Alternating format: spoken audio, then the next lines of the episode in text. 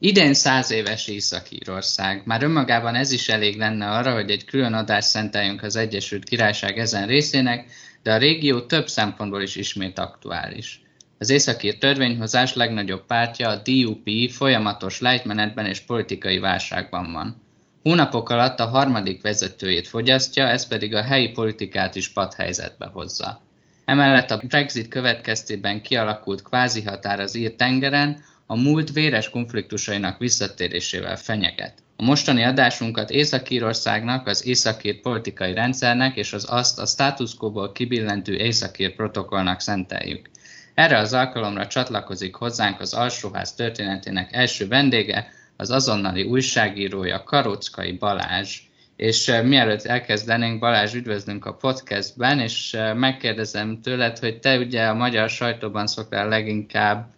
leginkább te szoktál Észak-Írországgal foglalkozni, részletesebb cikkekkel, és van-e valami különleges oka, hogy te téged ennyire érdekel ez a régió, van-e különleges um, érintettséged, vagy miért um, van ilyen uh, Elősz, Először is köszönöm a meghívást, illetve én is üdvözlöm a hallgatókat. Ennek lehetne egy nagyon jó sztoria is, hogy én miért foglalkozok ennyit Észak-Írországgal, de igaziból úgy nem olyan érdekes. A lényeg az, hogy még a 2020-as ír választások kapcsán írtam egy felvezető cikket, majd utána elkezdtem mélyebben foglalkozni az ír politikával, és akkor ezzel párhuzamosan ugye feljött az ír egyesülés kérdése, és ezzel kapcsolatosan kezdtem el így egyre mélyebben és mélyebben beleásni magam a, az északír politikába is. Nyilván 2016 óta a Brexit miatt sokkal több szó esik erről a mindössze 1,9 millió lakosú országról, miközben ugye történelmében egy szerintem rendkívül izgalmas országról beszélhetünk, de ez majd gondolom az adás során ki fog derülni, hogy miért is ilyen különleges hely Észak-Írországa, miért is volt már különleges hely a múltban, és a Brexit óta, illetve 2021. február 1 óta meg miért a jelenében is egy különleges államról beszéltünk. Remek. Amivel kezdeni akartam, az egy nagyon-nagyon nagyvonalú, gyors talpaló, és a hangsúlyon a nagyvonalúságon van a, nagyjából a Good Friday Agreement, itt, hogy mi volt, mi, mi volt, mik voltak itt a nagy um, konfliktusok és kapcsolatok, és arra kérlek majd titeket, hogy nyilván itt sok dolog ki fog maradni az ilyen pár mondatos összefoglalóból, amit el fogok mondani, és majd arra kérlek benneteket, hogy majd mondjátok meg, hogy szerintetek mi az, ami az északír történelemből és ebből a konfliktusból a történelmi konfliktusból a leginkább releváns a mai politikára, illetve mi az, amit kihagytam, és uh, érdekes szál, és uh, releváns lehet számunkra uh, ebben a beszélgetésben. Tehát, hogy nyilván ezt a történetet vikingekig vissza lehetne menni, de menjünk csak vissza egy picit a reformációig, Eh, ami után eh, Írország katolikus, mert Nagy-Britannia pedig protestáns. A késő 16. században aztán nagy rész skót, de, má, de angol protestáns térítőket is küldtek a britek eh, Írországba, ahol Észak-Írországban, vagyis pontosabban annak egy részén sikerrel is jártak. Aztán történelmi okokból a, történ- a bizonyos brit történelmi politikai konfliktusokban az írek általában a később vesztesként kikerülő oldalra álltak, ilyen volt ez például Cromwell és a többi, és a többi. És ennek is köszönhetően a brit gyarmatosítók egyre kevényebb törvényeket oktrojáltak az Ír-szigetre, és főleg az ott élő katolikusokra. A lényeg, hogy Írország brit kontroll alatt állt, és ugye szeretik ezt úgy megfogalmazni, hogy Írország volt, az Írsziget volt az első brit gyarmat igazából. Ennek vannak különlegesebb vetülete is, mint például ugye, amikor a rabszolgakereskedelem elindult, és a feketék rabosítása okán mindenféle fajelméletek kell kellett erőrukkolni, akkor például a bizonyos fajelméleteknél az írek gyakorlatilag alsóbrendűként voltak apostrofálva és leírva mindenféle idézőjesen szakkönyvekben. A 19. században a nagy éhínség után az ír autonómiáért való küzdelem, küzdő mozgalom nagy hátszeret kapott, és ennek még ugye Észak-Írországban páran meg már még nem örültek. De ez a mozgalom előbb-utóbb sikerrel járt, aztán 1916-ban a húsvéti felkelést a britek, a, a húsvéti felkelésnek ugye az volt a célja, hogy ne csak autonómia legyen, hanem független Írország, és azt a húsvéti felkelést levették a britek, de ezzel gyakorlatilag mártírokká tették a felkelőket, akik pont valószínűleg emiatt a társadalomban óriási támogatottságot szereztek, és egy 1921-re egy függetlenségi háború után Írország függetlenedni tudott, de azzal a feltétellel, hogy Írországot kettéosztották, ír köztársaságra és Észak-Írországra, ami ugye részese maradt a Nagy-Britanniának, ezt ugye etnikai és vallási alapon szerették volna megtenni, hogy Észak-Írországban protestánsok élnek, az írköztársaságban pedig katolikusok, de ugye, mint az történelmi tapasztalatokban tudjuk, ezek az etnikai felosztások sohasem tökéletesek, és hát így se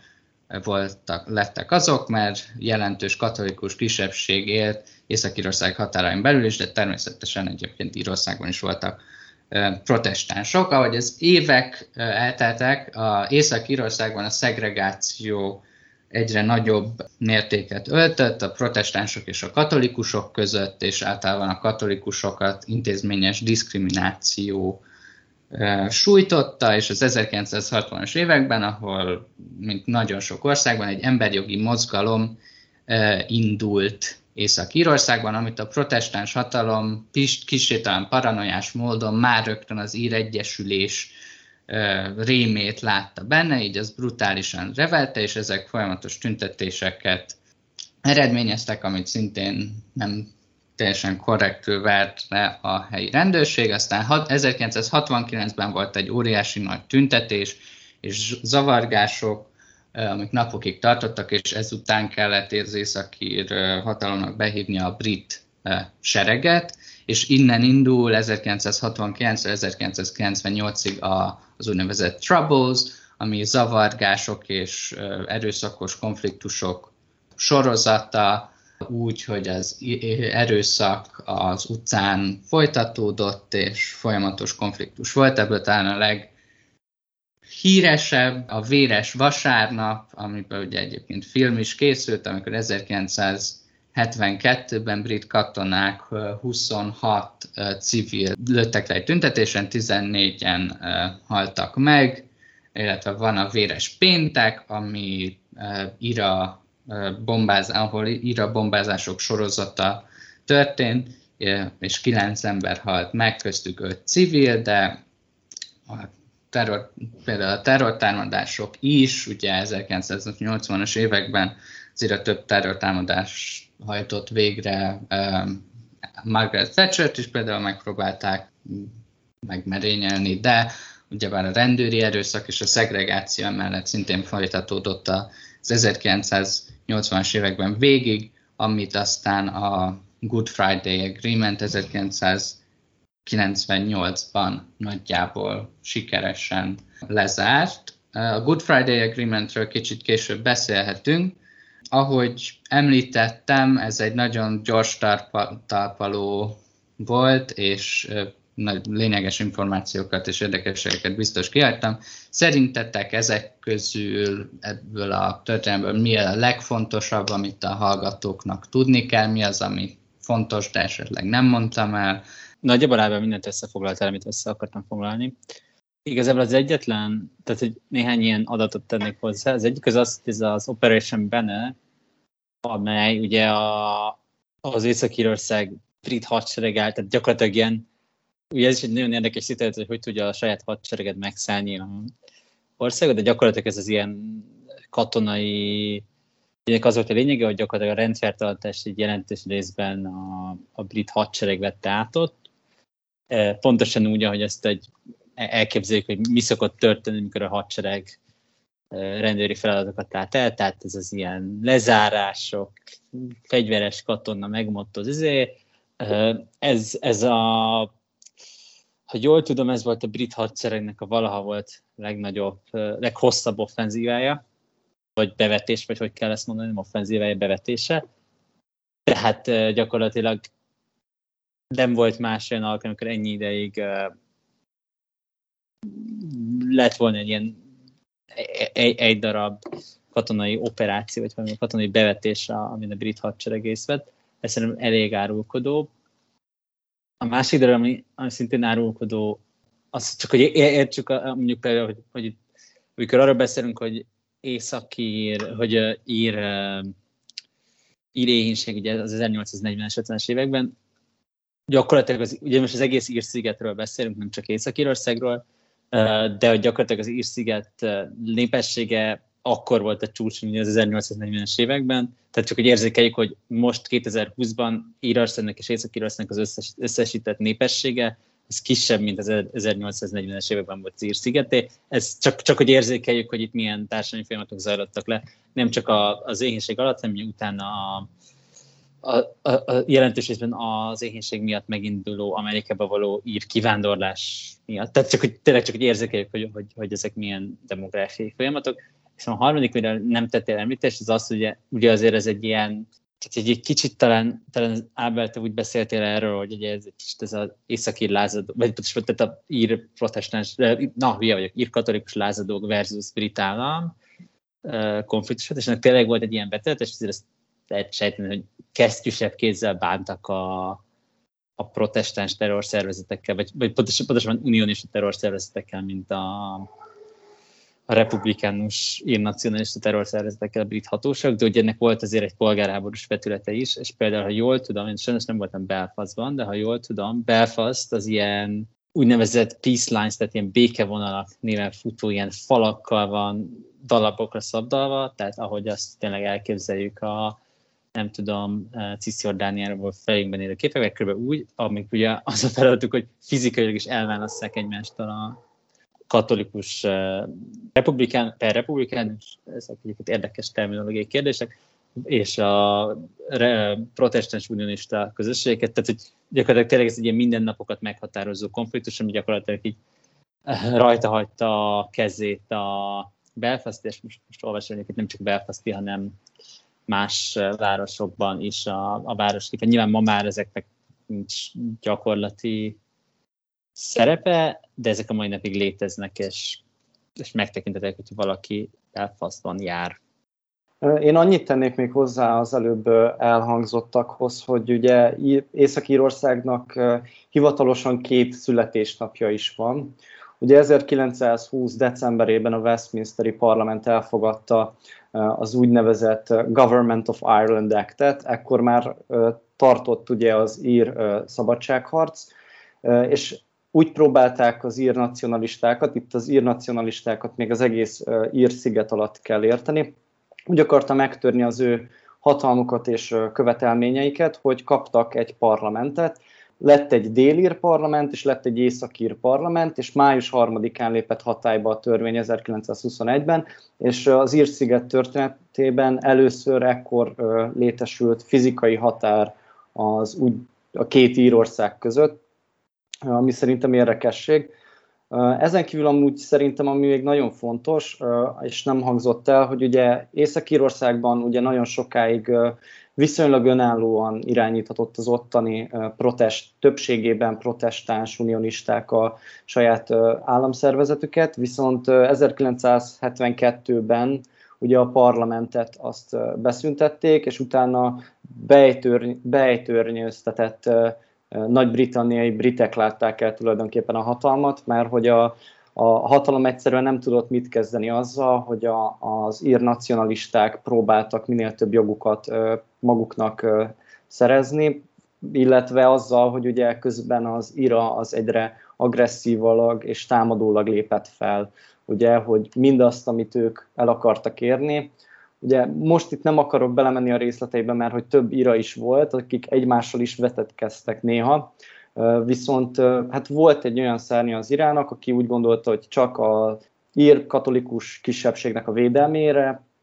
ragadnak fegyvert, viszont volt egy olyan ira, aki meg úgy gondolták, hogy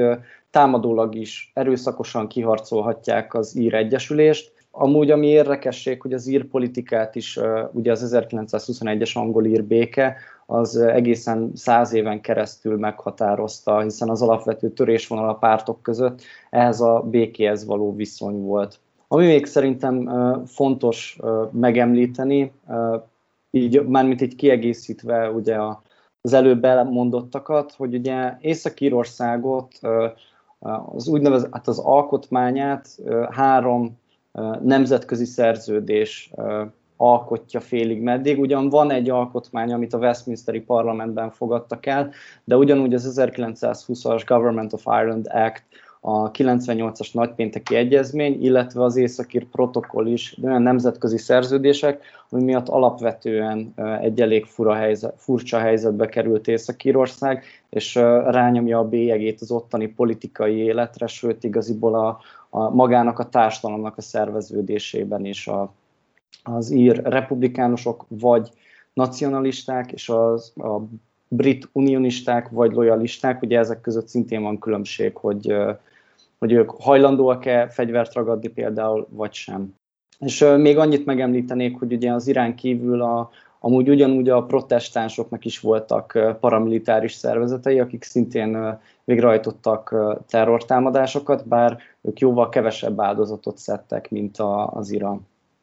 köszöntöm én is hallgatókat. Hát nem, nem jó tójára jönni, mert Ábel itt amúgy is székfoglalót tartott, meg elmondhatok nagyon sok mindent. Ami szerintem a történetből kimondottan érdekes, hogy mennyire nem tekinthető politikai evidenciának az 1910-es évek közepén, hogy Észak-Írország létét a brit kormány egyértelműen akarja, konkrétan a liberális kormányokra gondolok, és szerintem nagyon érdekes, ahogy a, a, a, az, ellenzék, az ellenzékben lévő konzervatívok ezt az ügyet tematizálják konkrétan, a, a unionizmus mellett végletekig elkötelezett Andrew Bonár lóra gondolok, aki ezt ellenzékből tudja tematizálni, és nagy részt adja a, az unionisták alá a lovat. Szerintem ez egy érdekes pillanata a történetnek, ha most így mindenképpen kell mondani valami, valami kedvenc pillanatot. A, a másik dolog,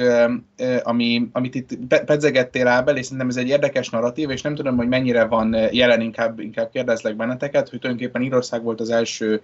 e, e, első gyarmat, ha úgy tetszik, majd utána a független Írország dominiumi státusz nyer, de hogy mégis a 60-as évek végén van ennek egy olyan, olyan felütése, hogy most tulajdonképpen itt a britek Észak-Írországban kvázi megszálló erőként viselkednek, hogy hogy van-e szerintetek ennek a konfliktusnak olyan értelmezése, hogy vannak a jók meg a rosszak, mert ugye nyilván, hogyha belemegyünk ebbe az ilyen kolonialista magyarázatokba, akkor könnyen, könnyen ide lehet kiukadni. A, a harmadik dolog pedig, ami kicsit kapcsolódik az egyik cikkethez, Balázs, amit írtál, itt pont erről kezdtünk el beszélni, mikor megérkeztél, hogy, hogy kicsit az egyik cikkennek volt egy olyan hangulata, hogy tulajdonképpen itt a feszültséget a Brexit kapcsán mondjuk a politika szítja, vagy vannak bizonyos szélsőséges hangok, pedig egyébként Írország milyen sikeres multikulturális kísérlet is lehetne. És ennek kapcsán merül fel a kérdés, hogy gondoljuk-e, hogy itt vannak civilizációs különbségek, legyenek mondjuk akár ezek, ezek vallási alapon, vagy, vagy történeti, kulturális alapon, vagy ténylegesen csak a politika szól ebbe bele, és az északírek, írek többsége tulajdonképpen békét szeretne, ellenben van itt egy ilyen elit politikai csoport, aki bele van ezekbe, ásva ezekbe a történelmi lövészárkokba, és a mai napig szítja a konfliktust. Úgyhogy most több kérdést tettem fel, mint amit megválaszoltam, de bízom benne, hogy ezekre a kérdésekre választ kapunk a podcastben, meg ma este. Én akkor az egyik felére gyorsan válaszolok, hogy nagyon jól tetted, Iván, hogy árnyaltad a képet azzal, amit ugye én elsősorban a brit állam szerepét hangsúlyoztam ebben, ahogy ő mint katonaság, hogy, hogy milyen konfliktusokat szült az, és milyen brutálisan bizonyos esetekben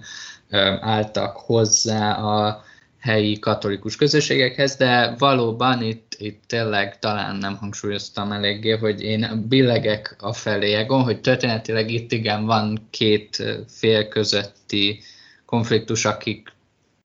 ezt magukénak vallják ezt a konfliktust, magukénak vallották ezt a konfliktust, és nem csak a politika úszítja, viszont szerintem ez a része a dolognak, a Good Friday agreement bizonyos mindennapokra vonatkozó tulajdonságai a konfliktusnak szerintem alább maradtak, és, és ha nem, nem is azt mondom, hogy a soha, tehát hogy nem azt akarom állítani, hogy ez soha nem volt emberek között valós tényleg társadalmi konfliktus, de hogy amit most kezdődik, a, kezd, újra kezdődik a kélezése, és az újra növekvő feszültségek szerintem egyértelműen a, a politikának van hozzá bőven köze, és, és um, elengedhetetlenül hozzájárul, és több ideje lett volna, szerintem el, jobban elsimul, el tudott volna simulni gyorsabban, hogyha ez a Brexit szavazás vagy a közös piacból való kilépés nem történik meg. De Balázs téged megszólította az Egon, úgyhogy... Hát a, vannak-e jók és rosszak ebben a történetben? Szerintem ez egy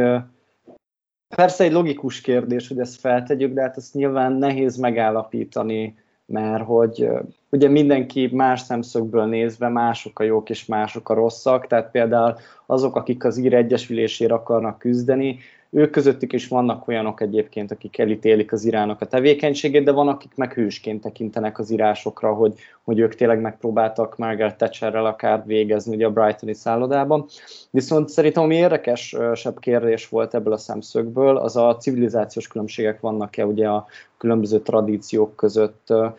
Én szerintem amúgy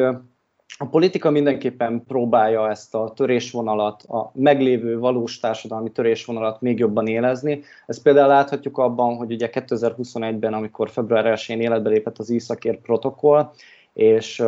és hát ugye rájöttek az unionisták, hogy a Westminsterben nem igazán foglalkoztak azzal, hogy az északi unionistáknak jó lesz ez, hogy egy kvázi gazdasági határ fog, fog ugye az Ír-szigetre kerülni, vagy hát az ír tengerre, bocsánat, ami miatt így kvázi ugye az unionisták úgy érezték, hogy ők egy másodrendű brit állampolgárakká váltak. És uh, nyilván Arlene Fosterék, mivel ugye ő azóta bele is bukott, őt kiáltották ki bűnbaknak, hogy ő neki nem sikerült a, az északi protokollt megáll, megállítania. Ugye a, a DUP-val ők elkezdték nagyon élesen bírálni a protokollt, aminek nyilván vannak hiányosságai a protokollnak, de ezt ugye ők is értik, hogy az, hogy legyen közben szabad határ, de közben védjük a, az Egyesült Királyság, illetve az Európai Uniónak a piacát is, azt valahogy meg kell oldani, és egy ilyen szerencsétlen megoldás lehetett csak kitalálni, hogy Észak-Írország még mai napig része a Vámuniónak és a közös piacnak, és emiatt ugye egy kvázi határ van az Egyesült Királyság többi része és Észak-Írország között. Viszont visszatérve ugye a civilizációs különbségekre, szerintem vannak civilizációs különbségek, viszont én nem mondanám azt, hogy,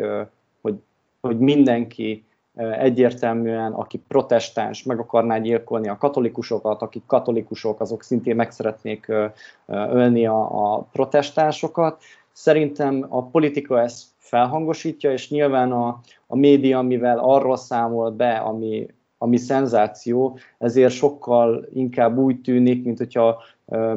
minden, a társadalomban mindenki véremenően le akarná mészárolni a másikat, miközben ugye tudjuk, hogy vannak vegyes házasságok, ahol katolikusok vettek el protestánsokat, illetve a nagypénteki egyezmény az lehetőséget ad arra, hogy mindenki megélhesse szabadon a politikai per társadalmi identitását úgy, ahogy szeretné. Lehet akár ír, lehet brit, lehet északír, lehet egyszerre mindezek közül, de úgy is valhatja, hogy ezek közül egyik sem. Ami érdekesség még szerintem, hogy ugye alapból, amikor a nagypénteki egyezményt 1998-ban hát életbe lépett, akkor azt még annó úgy tervezték meg, nem gondolták volna azt, hogy a brit protestánsok azok valaha is kisebbségbe fognak kerülni. Ebben az évben lesz ismét népszámlálás az Egyesült Királyság minden részében, így Észak-Írországban is, és a legutóbbi 2011-es adatok szerint még a protestánsok vannak többségben, viszont vélhetően idén többségbe kerülnek majd a katolikusok. ők sem fogják elérni az 50%-ot, tehát arról valószínű három kisebbség létezik most Észak-Írországban, vannak az ír nacionalisták, ők egy olyan nagyjából 40-45 százaléknyian lehetnek, ennél kicsivel kevesebben lehetnek a brit protestánsok, és még egy olyan 5-10 százaléknyi olyan ember lehet, aki magát se nem protest, tehát se nem britnek, se nem ír nacionalistának nem vallja magát, tehát azok, akik, akik ugye át akarnak lépni ezen a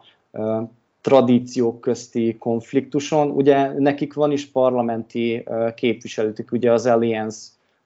személyében, illetve még a Greens, tehát hogy a, a észak-írországi zöldek is egy olyan pártnak mondható, akik magukat se nem be,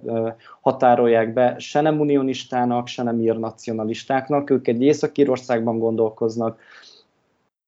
hogy az majd a későbbiekben, ugye most így a Brexit következtében hova fog majd kerülni, meg egyáltalán mi lesz Észak-Írország sorsa, azt pedig most így előre nem tudjuk megállapítani.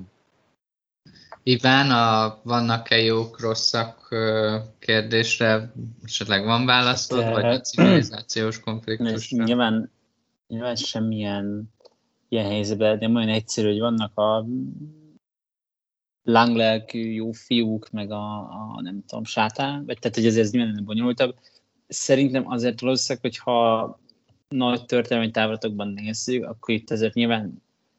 kirajzolódik egy olyan mintázat, hogy mindig a, a britek, perunionisták uh, voltak ugye a hatalmi pozícióban, és mondom, nyilván nem egyes helyzetekben nézzük, hanem hogyha tényleg ilyen történelmi távlatokban, és, és, és mondjuk azért körülbelül a 8. Henrik uralkodása óta, ha jól emlékszem, kb. akkor került uh, Írország a brit, illetve hát akkor még angol korona fennhatóságában, ha jól emlékszem, de javítsatok, tévedek. Jellemzően a britek, illetve hát angolok korábban voltak a, a, a hatalmi helyzetben, és úgy általában emiatt azért ez egy nagyon aszimmetrikus kommunikáció, szóval nyilván nem arra, nem ilyen moralizáló retorikára hozzám, hogy vannak a jó fiúk, és vannak a rossz fiúk, hanem egyszerűen az az érdekes, hogy itt azért sok évszázados távlatban is azt láttuk, hogy van az egyik oldal, aki mindig hatalmi, jellemzően hatalmi pozícióban van, és jellemzően, mint elnyomó, csúnyán szóval jelenik meg, és van egy másik, amelyik nincs hatalmi pozícióban, és általában az elnyomás áldozata, és legfeljebb erre reagálva követel olyan, egyébként persze sok esetben ítélendő cselekedeteket, mint Margaret Thatcher meggyilkolására tett kiset, bár én ezt nem mondtam, hogy ez elítélendő. De, de nyilván természetesen nem feltétlenül tartom támogatandónak a, az Iránnak a cselekedeteit, szóval nem ezt akarom mondani, és ezzel is mondom, hogy nyilván nem érdemes jó film és rossz jól gondolkodni, mert nyilván Iránnak is vannak elítélen, vannak, voltak, jelenleg inkább voltak eh, elítélendő cselekedetei, de nem szerint inkább ezek a hatalmi dinamikák az érdekesek volt a másik kérdés? Ja igen, ez a mennyiben a politika tüzeli, hát nyilván részben a politika tüzeli, mint minden konfliktust, de azért pont, pont azért az író oldalon valószínűleg tényleg nagyon sok emberben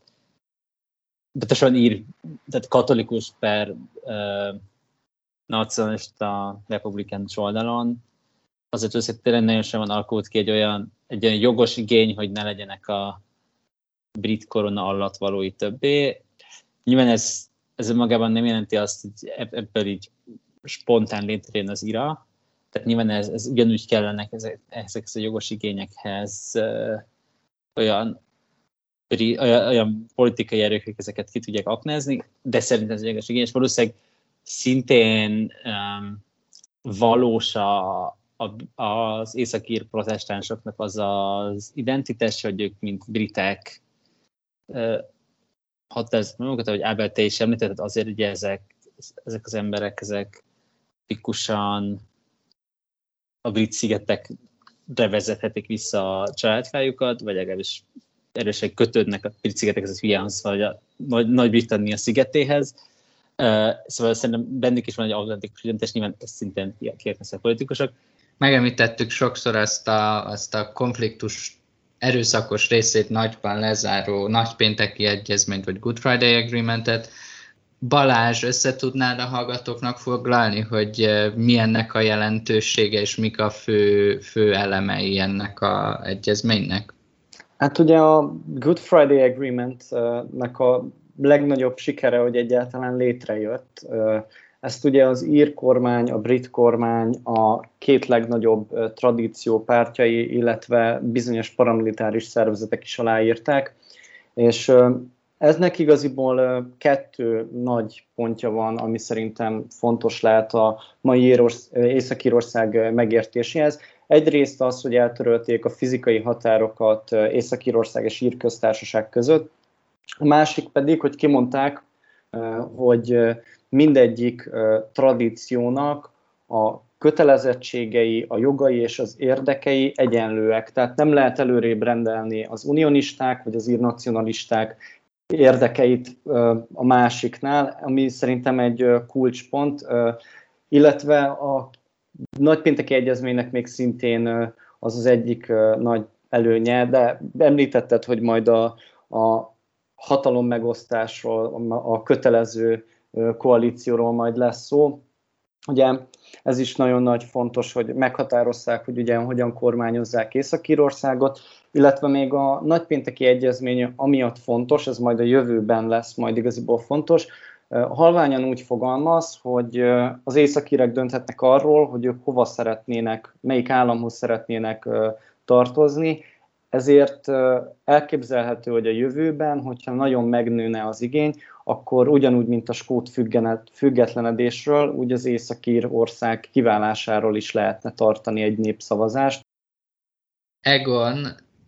lehet mondani, egy, ugye a, a Good Friday Agreement-et azt a Tony Blair miniszterelnöksége alatt írták alá, Tony Blair-es adásunk külön volt, nem is olyan régen, aki akarja ezt visszahallgathatja. Lehet mondani szerinted, hogy a Tony Blairnek az egyik legnagyobb eredménye az a, az a nagypénteki egyezmény volt?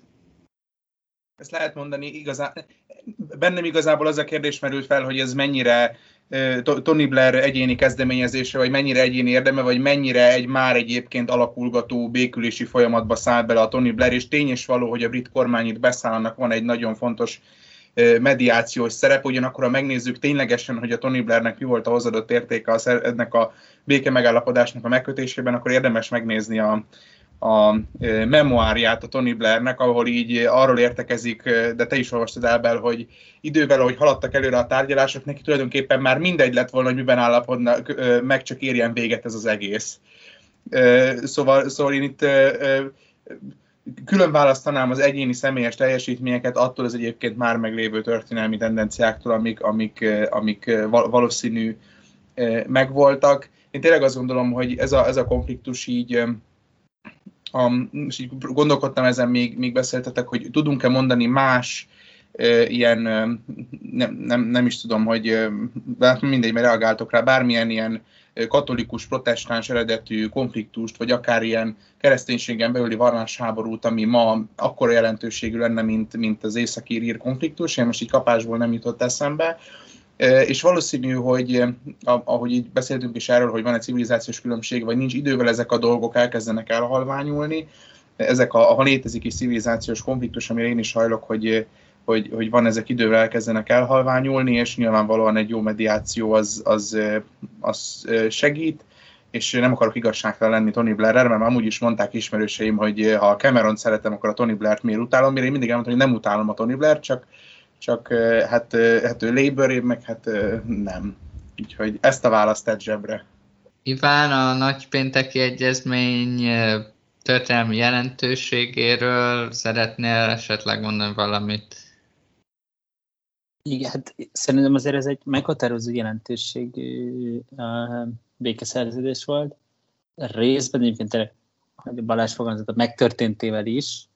és egy azért ez lezárta Európa egyik, egyik legnagyobb etnikai konfliktusát. Egyébként nem is teljesen kereszténység belül, de azért ugye a, így Európán belül azért a, a boszniai, bos, bosnyák-horvát-szerb eh, konfliktusnak annak szintén egy erős vallási vonzata. Ott ugye katolikus, ortodox és muszlim oldalak vannak, bár egyébként ott, ott azt hiszem sokkal kevésbé határozza meg valójában a közbeszédet a, a vallásos része, hogy egyébként szerintem észak is egyre kevésbé, tehát egyre halványon ennek, a, ennek az ilyen konfliktusnak a vallásos oldala. De szóval ez egy kiemelkedő jelentőségi békeszerződés. Szerintem nem csak Magyarországon, de mondjuk a brit közéletben is alul becsülik ennek a jelentőségét. Nyilván Észak-Írország nagyon messze van még a brit, tehát még az Egyesült Királyságon belül is mindentől, és egy kis ország, de szerintem ez egy, ez egy nagyon-nagyon jelentős fejlemény volt. Azt én nem tudom megállapítani, hogy ez mennyiben Tony Blair személyes érdeme, de én azért hozzátenném, hogy, hogy te, te, tegyük hozzá, hogy azért itt, itt, itt a, a békeszerződés létrejöttében és, és általában a megbékélésben ez John Hume uh, északír uh, nacionalista SDLP, tehát Social Democratic and Labour Party és politikus nevét mindenképp meg kell említeni, illetve most nem, nem jut eszembe, hogy hogy hívták a, az unionista párját, de gyakorlatilag ők egy ilyen északi Declerc Nelson Mandela párosként szintén komoly szerepet töltöttek be a, a megbékélésben, és ugye szeretném hangsúlyozni, hogy korábban is nem csak arra van szó, hogy Tony Blair oda ment békét csinálni, mert ellentétben a békecsinálásra alkatilag alkalmatlan Margaret Thatcherrel, meg John Majorrel, meg Harold Wilsonnal. Tony Blair az ilyen békés figura volt, hanem itt az arra, arról is szó van, hogy, hogy ehhez létre kellett jönni ott helyben is azoknak az erőknek, akik, akik végül meg tudtak egymásra békés, és nyilván ez egy tök fontos különbség a, a bosszia helyzethez képest, ugye tényleg a politikai rendszer az úgy jött létre, hogy azt kitalálták az Egyesült Államokban, és vele írták egy nemzetközi békeszerződésbe, amit nem igazán lehet megváltoztatni, mert az Egyesült Államok is aláírta. Szóval ez, ez fontos hangsúlyozni, hogy, hogy itt tényleg nem csak arról van szó, hogy, hogy Tony Blair oda ment rendet rakni, és ebben egyébként talán egyetértek az Egonnal, hanem itt arról van szó, hogy itt már azért volt egy jelentős megbékélési folyamat, John Hume-mal, David Trimmel-lel, nem biztos, hogy így ejtik a nevét, aki neki az Ulster Union Sport is megfelelője volt, és úgy általában a, általában a, mind a mérsékeltebb unionisták, mind a mérsékeltebb republikánusok között. Én még csak annyit tennék hozzá, hogy az, meg a, igen, hogy Egonit említetted, hogy én is olvastam a Blair könyvet, és hogy ott is a Blair is mondja, hogy azért a John Major előkészítette neki ezt a tárgyalási folyamatot, tehát mindenképpen, és azzal bőven egyetértek az Ivánnal, hogy ez a brit és Britanniában és Európában is sokkal kevesebbet beszélünk arról, hogy ez, a, ez az egyezmény megszületett, mint azt egyébként megérdemelni, és a brit szempontból az is egy hiánya szerintem az erre való emlékezésnek, és a nagypénteki egyezmény megkötésének, hogy, hogy azt, hogy ezt a határ, a fizikai határ őrpontokat és ellenőrző pontokat, hogy azt annyira le lehetett szerelni, hogy tehát ugye nyilván az északi határ, ezt így még nem tudom, hogy mennyire mondtuk ki, lehet, hogy már kimondtuk, de hogy gyakorlatilag nincs olyan, mint egy Schengeni határ, és hogy ez, ehhez, hogy ezt meg lehessen csinálni, ez, ehhez az Európai Unió, vagy a közös piac, mint intézmény, ez egy elengedhet, tehát egy, egy nagyon fontos része az, hogy ezt fizikailag meg lehet csinálni, és ez, ez nem biztos, hogy tudatosult a, az erre, a, a, a szerződés megkötők és az, az, az arra emlékező emberek fejében Nyilvánvalóan itt elhangzottak politikusoknak a nevei, akik kiemelhetőek, hogy, hogy hozzájárultak ugye a béke létrejöttéhez. Azért nem fontos megjegyezni Bill Clinton amerikai elnök 1995-ös beszédét,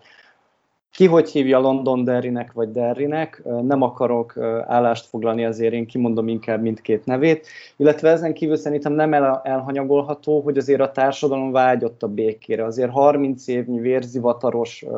harcok után, amikor az ember ment volna reggel munkába, de a brit katonák nem engedték fel a hídra, mert hogy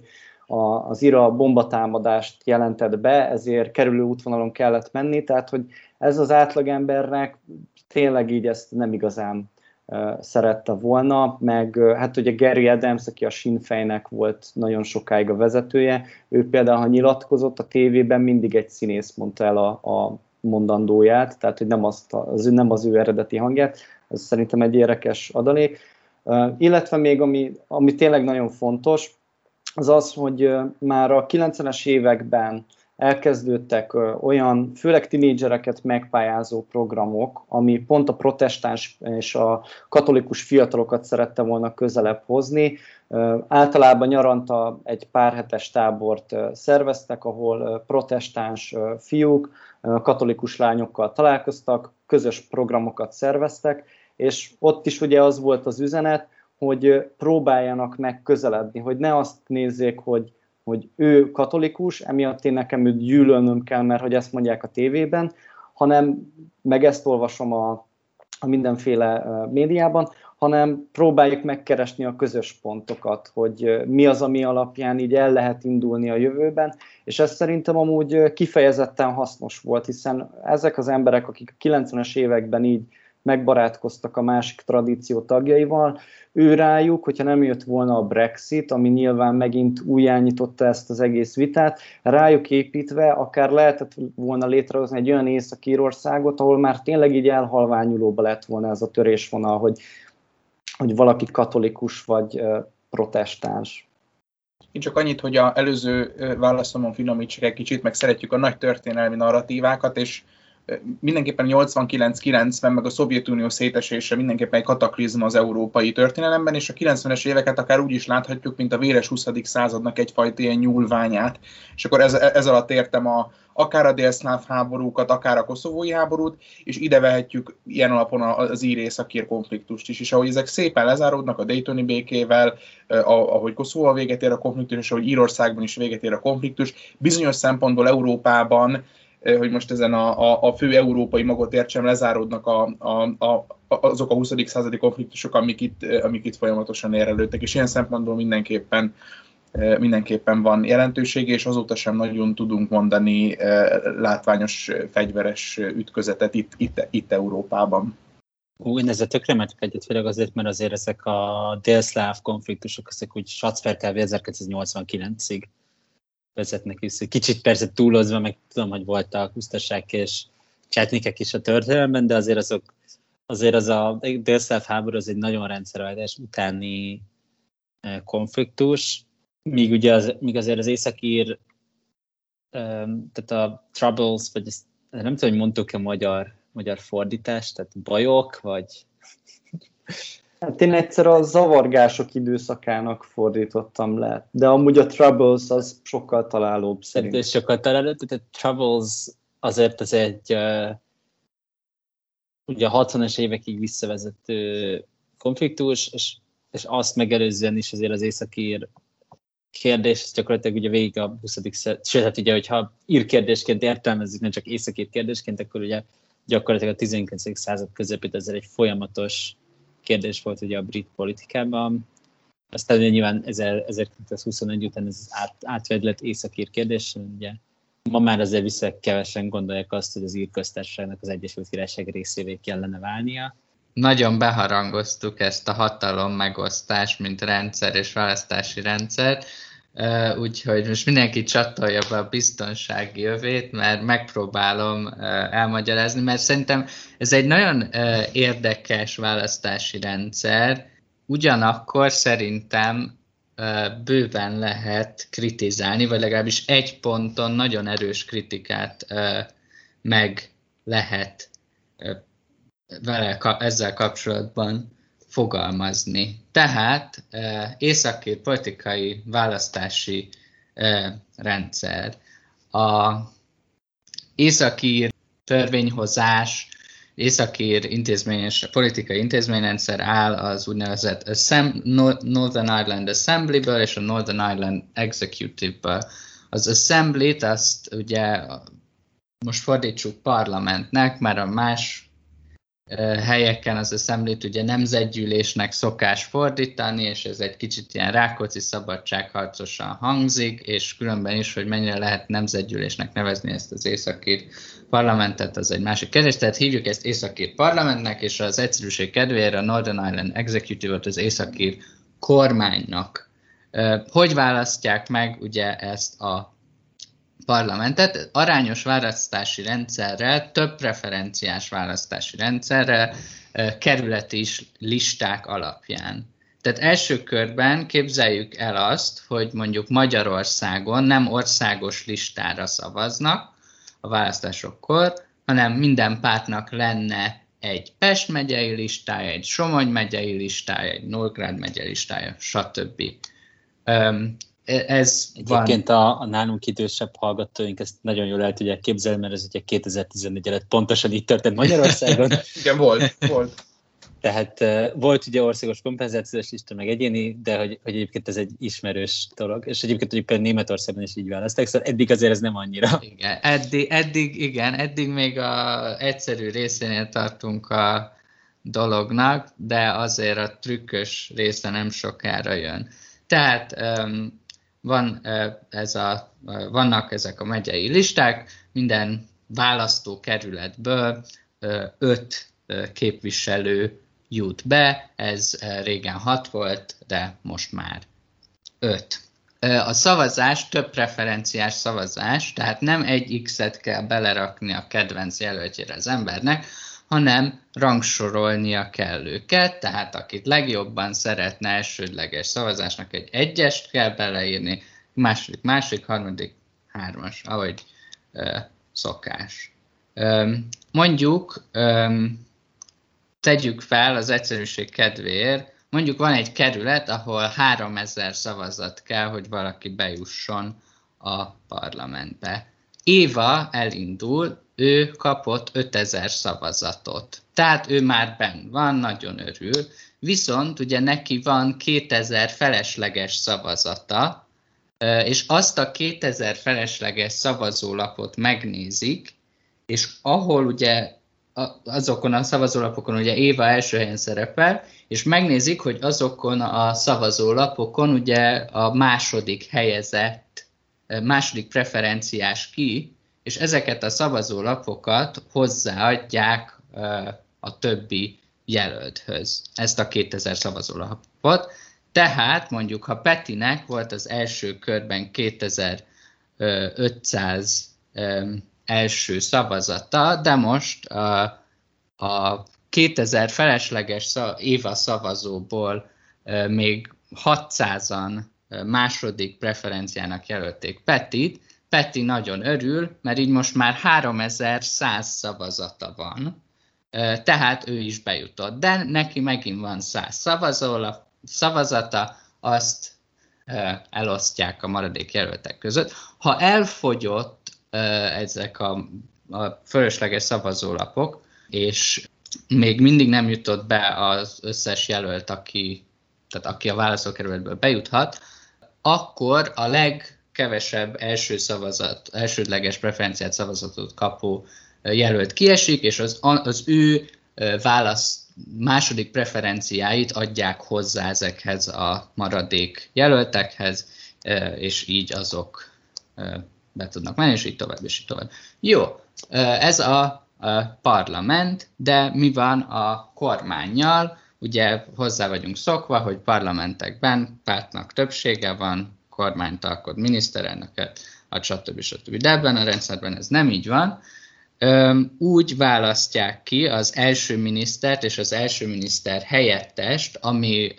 szóban úgy tűnik, mintha lenne egy aláfölé rendelt viszony, de egyébként érdekesség, hogy tulajdonképpen hatalmi szempontból nincsen. Úgy választják ki ezt az a első minisztert és első miniszter helyettest, hogy a pártoknak, akik bejutottak az, a parlamentbe, deklarálniuk kell, hogy ők unionisták, republikánusok vagy egyéb kategóriába tartoznak. Az első minisztert a legnagyobb csoport, a legnagyobb kategória, a legnagyobb pártja adja, az első miniszter helyettes pedig a második legnagyobb csoport, legnagyobb pártja kapja. Tehát így, például most az a, a helyzet, hogy az első miniszter egy unionista párti, akkor az első miniszter helyettes ugye egy republikánus jelen állás szerint. Ezzel a rendszerrel lehet egyébként egy kis probléma, vagy reprezentációs kérdéseket felvethet. A jövőben mindjárt elmondjuk, hogy esetleg miért. A többi kormányzati helyet, ami van, kilenc pedig az úgynevezett DONT módszerrel a, osztják fel. Csak hogy szintén relatable legyen, ezt nyilván nagyjából egyetlen egy hallgatók se tudja, de, de, ez ugyan, de hogy mondjuk Magyarországon is így, osztják, így osztják a listás parlamenti mandátumokat. Akik középiskolában tanultak társadalom ismeretet, azok már, már biztosan nagyon értik, hogy mi következik. Tehát, de mondjuk ez egy kicsit más, mint egy parlament kormányt ad, és nem szavazók parlamentet. Ismét csak példa. Tegyük fel, hogy piros párt 38 főt delegál a parlamentbe, zöld párt 29-et, kék párt 16 képviselőt. Az első kormányzati pozíciót a piros párt választja magának, mert ő neki van a legtöbb szavazata. Na és most. Miután ez megvan, a 38-at, ami ugye a képviselőnek száma, elosztjuk egyel plusz azzal a számmal, amennyi kabinet pozíciója már van. Tehát jelenleg elosztjuk 38 per 1 plusz egyel. És így ő nekik most már csak 19 pontjuk van. Most ismét megnézzük, kinek van ugye a legtöbb képviselője. Hát a zöld pártnak, mert ugye nekik 29 van, a piros pártnak már csak 19 pontja van. Tehát a zöld párt választ magának kabinet pozíciót, elosztjuk a 29-et 1 plusz 1-jel, ki jön a 14 és fél. Most ismét megnézzük a pontokat, a piros pártnak 19 pontja van, a zöldnek 14 és fél, a kékeknek pedig 16, mert ugye nekik 16 képviselőjük van,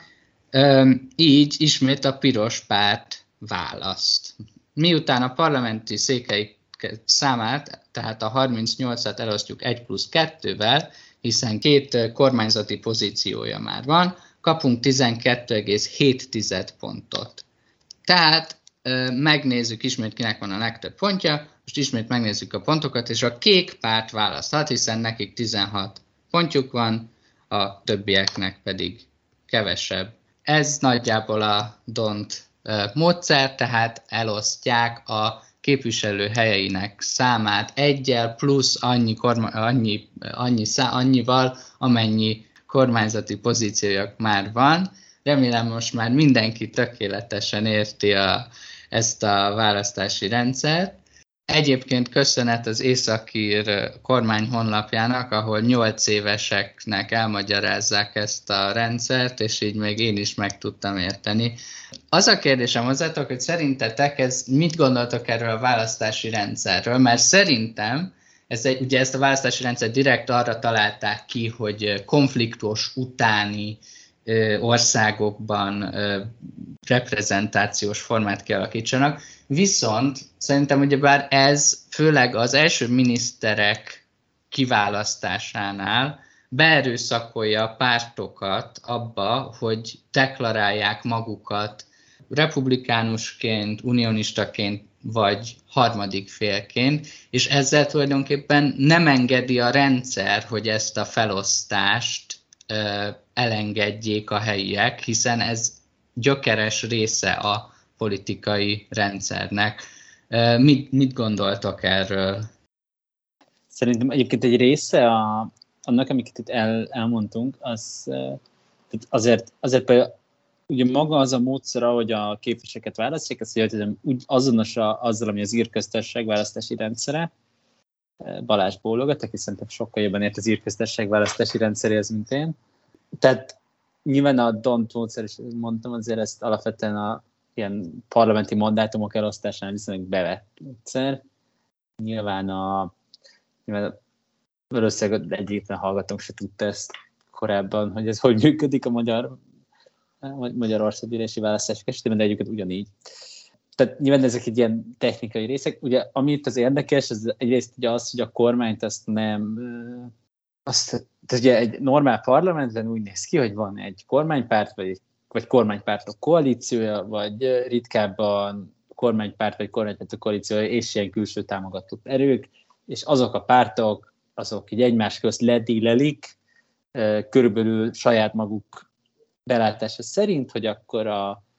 Béla lesz a külügyminiszter, a Józsi lesz a belügyminiszter, és akkor figyelnek arra, és hogyha a koalíciós kormányzás, akkor persze figyelnek oda arra, hogy Józsi az egyik pártból legyen Béla a másik pártból, illetve nyilván egypárti kormányoknál is azért figyelnek arra, hogy lehetőleg azért a párton belüli ilyen erőviszonyok azok ne legyenek teljesen figyelmen kívül hagyva ezeknél.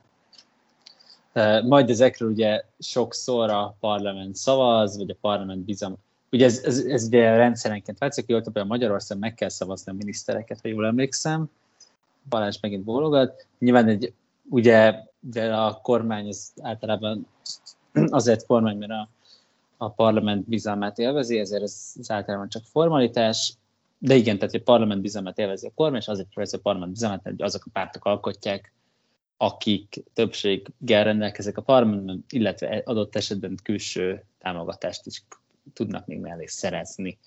Uh, ugye ez egy tök, tök más módszer, mert itt gyakorlatilag, tehát ha most lefordítjuk magyar viszonylatba, uh, ugye a DONT módszernek az a lényege, hogy uh, arányosan tudja elosztani ezeket, tehát hogy most van Magyarországon, nem is nyilván fejben nem fogom tudni, ugye mondjuk, hogy van tíz uh, kormánytag Magyarországon, és akkor gyakorlatilag a DONT módszer, ez, igen, ez nem, nem fogja kérni a matek, de mindegy, DONT módszer, ezzel a módszerrel lenne Magyarországon hét Fideszes miniszter, egy szoci, egy jobbikos, és hát most DK és az LNP, ugye DK nagyobb, mint az LNP, szóval azt hiszem DK-s lenne a, a harmadik, de lehet, hogy jó, nem, nem csináltam meg a matekot, de hogy körülbelül így képzeljük el, tehát hogy bekerülnek olyan eh, politikusok is a tehát nem, nem alakul egy kormánytos, és az adja a minisztereket, hogy mindenki a minisztert, ez nyilván egy nagyon érdekes, nem, és nyilván nem feltétlenül mindenki, de hogy ez egy nagyon érdekes módszer, ez azt jelenti, hogy elméletben a, a parlament minden pártja benne van a kormány, és ez nem arra utal, hogy itt, itt ilyen egypárti diktatúra van, majd valami nagyon-nagyon nagy de nemzeti egységkormány, egy, egy háborús helyzet, ilyesmi, hanem ez, a, ez egy egyébként demokratikus választási rendszerben kódolva van, hogy mindenki, akár minden párt benne lehet a kormány, ami ugye egy normálisan egy demokratikus választási, demokratikus politikai rendszerrel inkompatibilis. Ez az egyik, de ez ugye még szintén nem feltételes semmilyen szektárián is elkötelezettséget a pártától, ez bárhol lehetne, nyilván valószínűleg oka van, hogy máshol nincs, és erre egyébként mindjárt vissza is térhetünk, hogy ennek oka van. Ugye itt a lényeg, ez az első miniszter, és első miniszter helyettes kiválasztása, ahol tényleg fontos, hogy, tehát hogyha jól olvastam, még vannak ilyenek, hogy a igazságügyi tárcát azt szeretik függetleneknek adni, vagy ilyen nem szektárisoknak, nem, tehát akik, tehát akik egyik sem, valószínűleg értető, hogy miért, de most nem megyünk nagyon bele a részletbe. Ugye ott tényleg fontos, hogy, hogy, hogy az elkötelezettségük legyen, és ugye azt lehet érzékelni, hogy az első északír kormányban, abban ugye a, az Ulster Unionist Party és az SDLP, tehát mérsékelt unionisták és mérsékelt nacionalisták voltak a két legnagyobb párt, aztán a következőben mindig a, a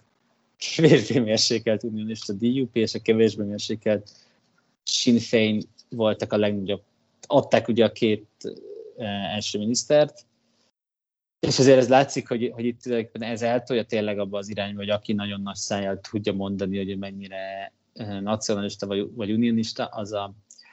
az, az sikeresebb egy ilyen választási rendszerben. És, és hát igen, ennek tényleg van egy olyan, hogy ez be,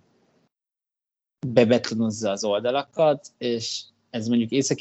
nem akkora probléma, de, de ha, ha a szintén ilyen hatalmegosztásos mód, módszerrel működő Boszniában, ott tényleg a, gyakorlatilag az ország azért működésképtelen most már 25 éve, mert a politikusok arra vannak incentivizálva, hogy eljátszák a szerb nacionalistát, vagy bosnyák nacionalistát, vagy horvát nacionalistát, ebben főleg egyébként a szerb nacionalisták különösen jeleskedni szoktak, és nem abban, hogy együtt építsenek egy ilyen működőképes országot. Nyilván Észak-Írország azért ennél lényegesen normálisan működik, de azért ezt és ugye ezért van az, hogy, hogy miért nincs DONT módszerrel kiválasztott kormánya Németországnak vagy Hollandiának. De mert hogy azért, azért abban a 23 évben azért mert többször előfordult az, hogy Észak-Írországnak nem volt kormánya, mert összeomlott a hatalommegosztási rendszer, tehát egyszerűen nem tudtak dűlőre jutni a pártok egymás között.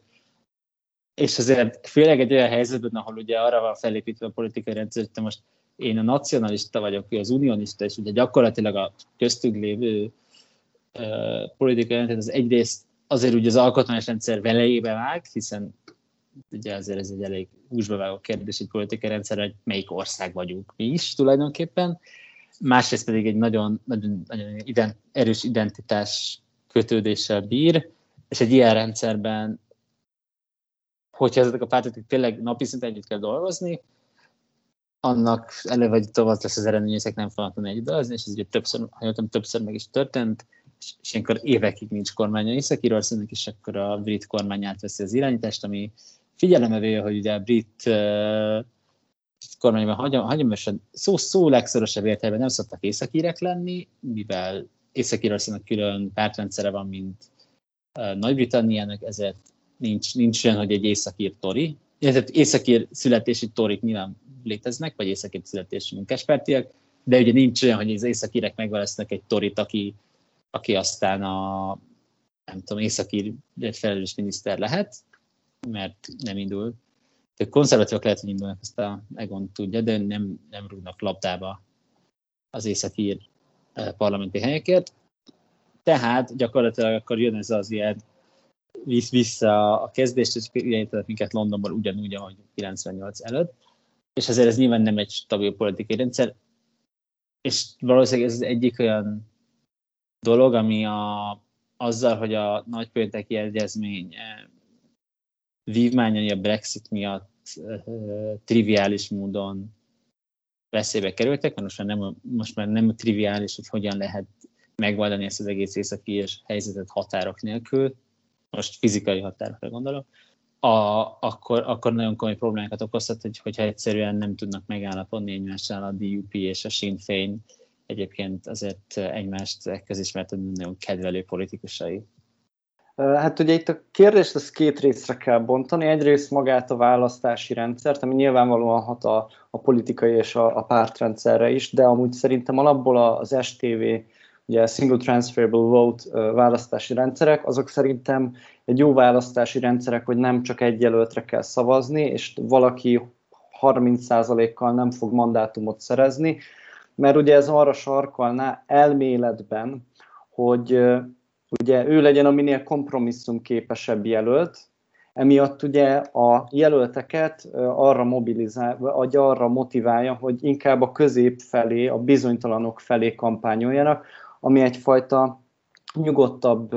kormányzást eredményezhet majd a későbbiekben, mármint abból a szemszögből, hogy kompromisszumképes jelöltekkel kerülnek be a parlamentbe. Szóval alapvetően az STV választási rendszer az szerintem jó, Ilyet használnak ugye Írországban is, mint a Steven említette, de amúgy Ausztráliában is, Máltában is ilyenek vannak.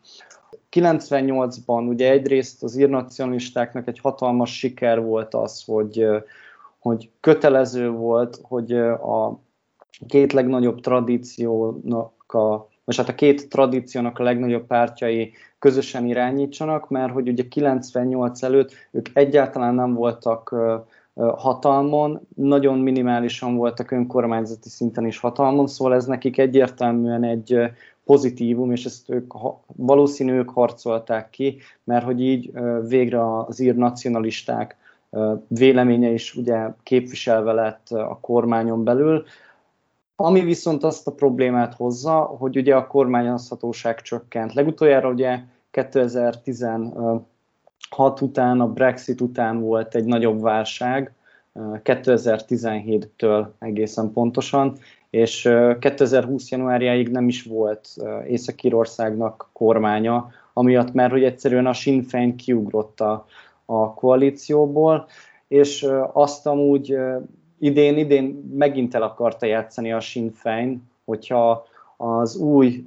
első miniszter nem fogja majd az ír nyelvtörvényt elfogadni a Stormontban, akkor ők kilépnének a, a kormánykoalícióból, hogy megint instabilitás jöjjön, és hogy ezt megelőzzék, ők megegyeztek a brit kormánya, hogy majd a brit kormánya Westminsterben fogja elfogadni, hogy az ír nyelvtörvény az életre lépjen majd Észak-Írországban, ami miatt most a DUP van, vagy a DUP van most válságban, ugye, és ők 21 nap alatt egy rövid intervallum ideig, ugye Edwin Putz ugye ebben is bukott bele a 21 napos DUP vezetőségébe.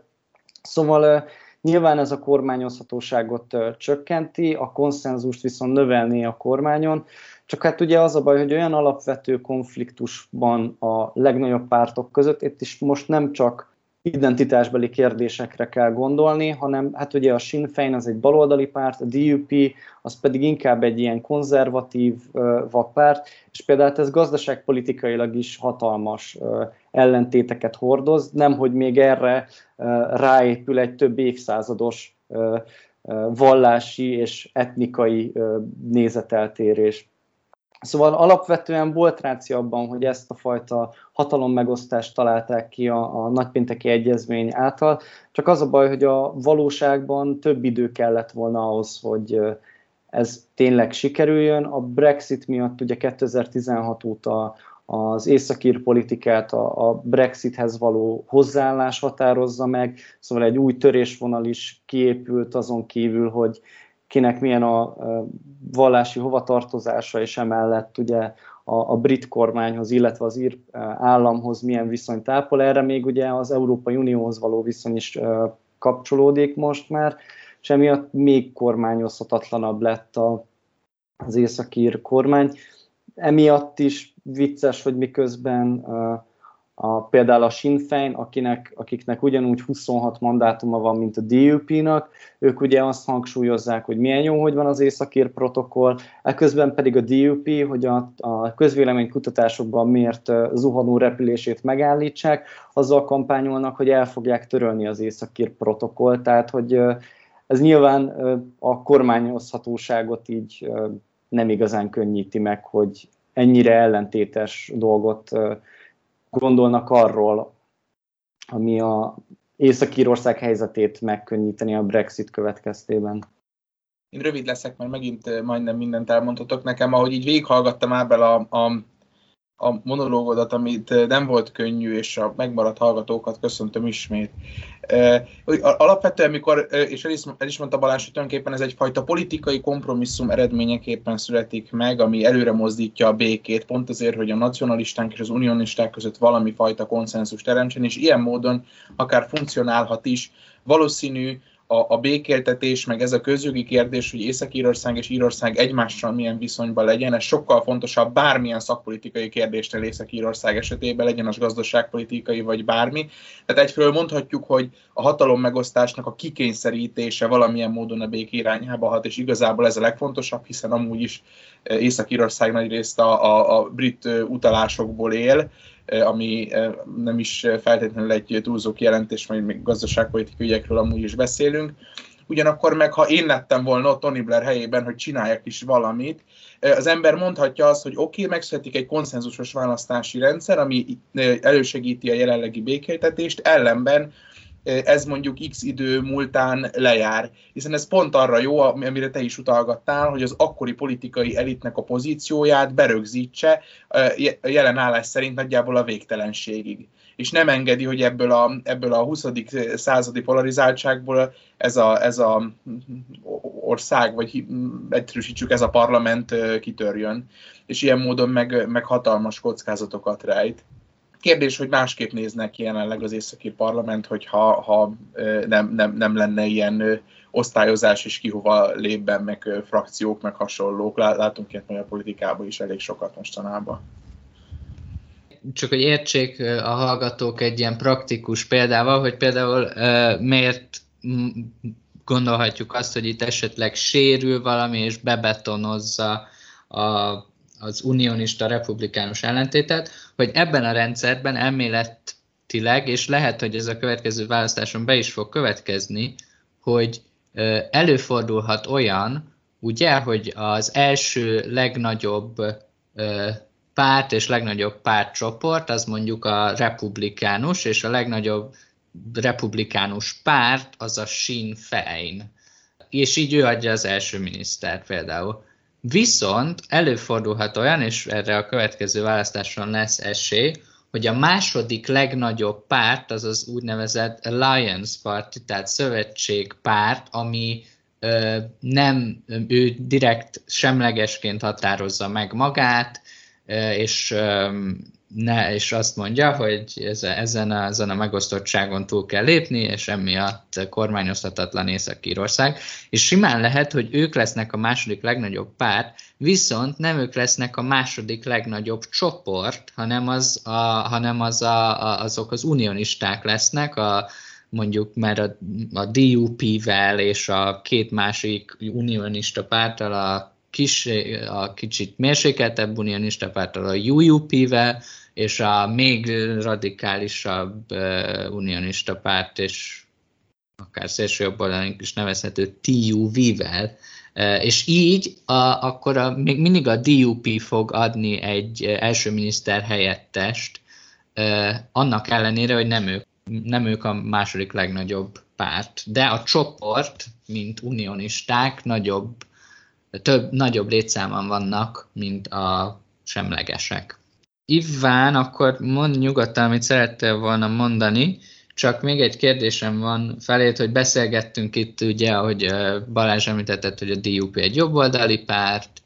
és a Sinn Féin ez egy baloldali párt, és most mondjuk el, hogy az Alliance Party ez egy, a, a nagy brit politikában elsősorban a liberális demokratákhoz kötődik, és egyébként meg azt hiszem európai politika szinten benne vannak a liberális internacionálében is, szóval, hogy ők meg egy liberális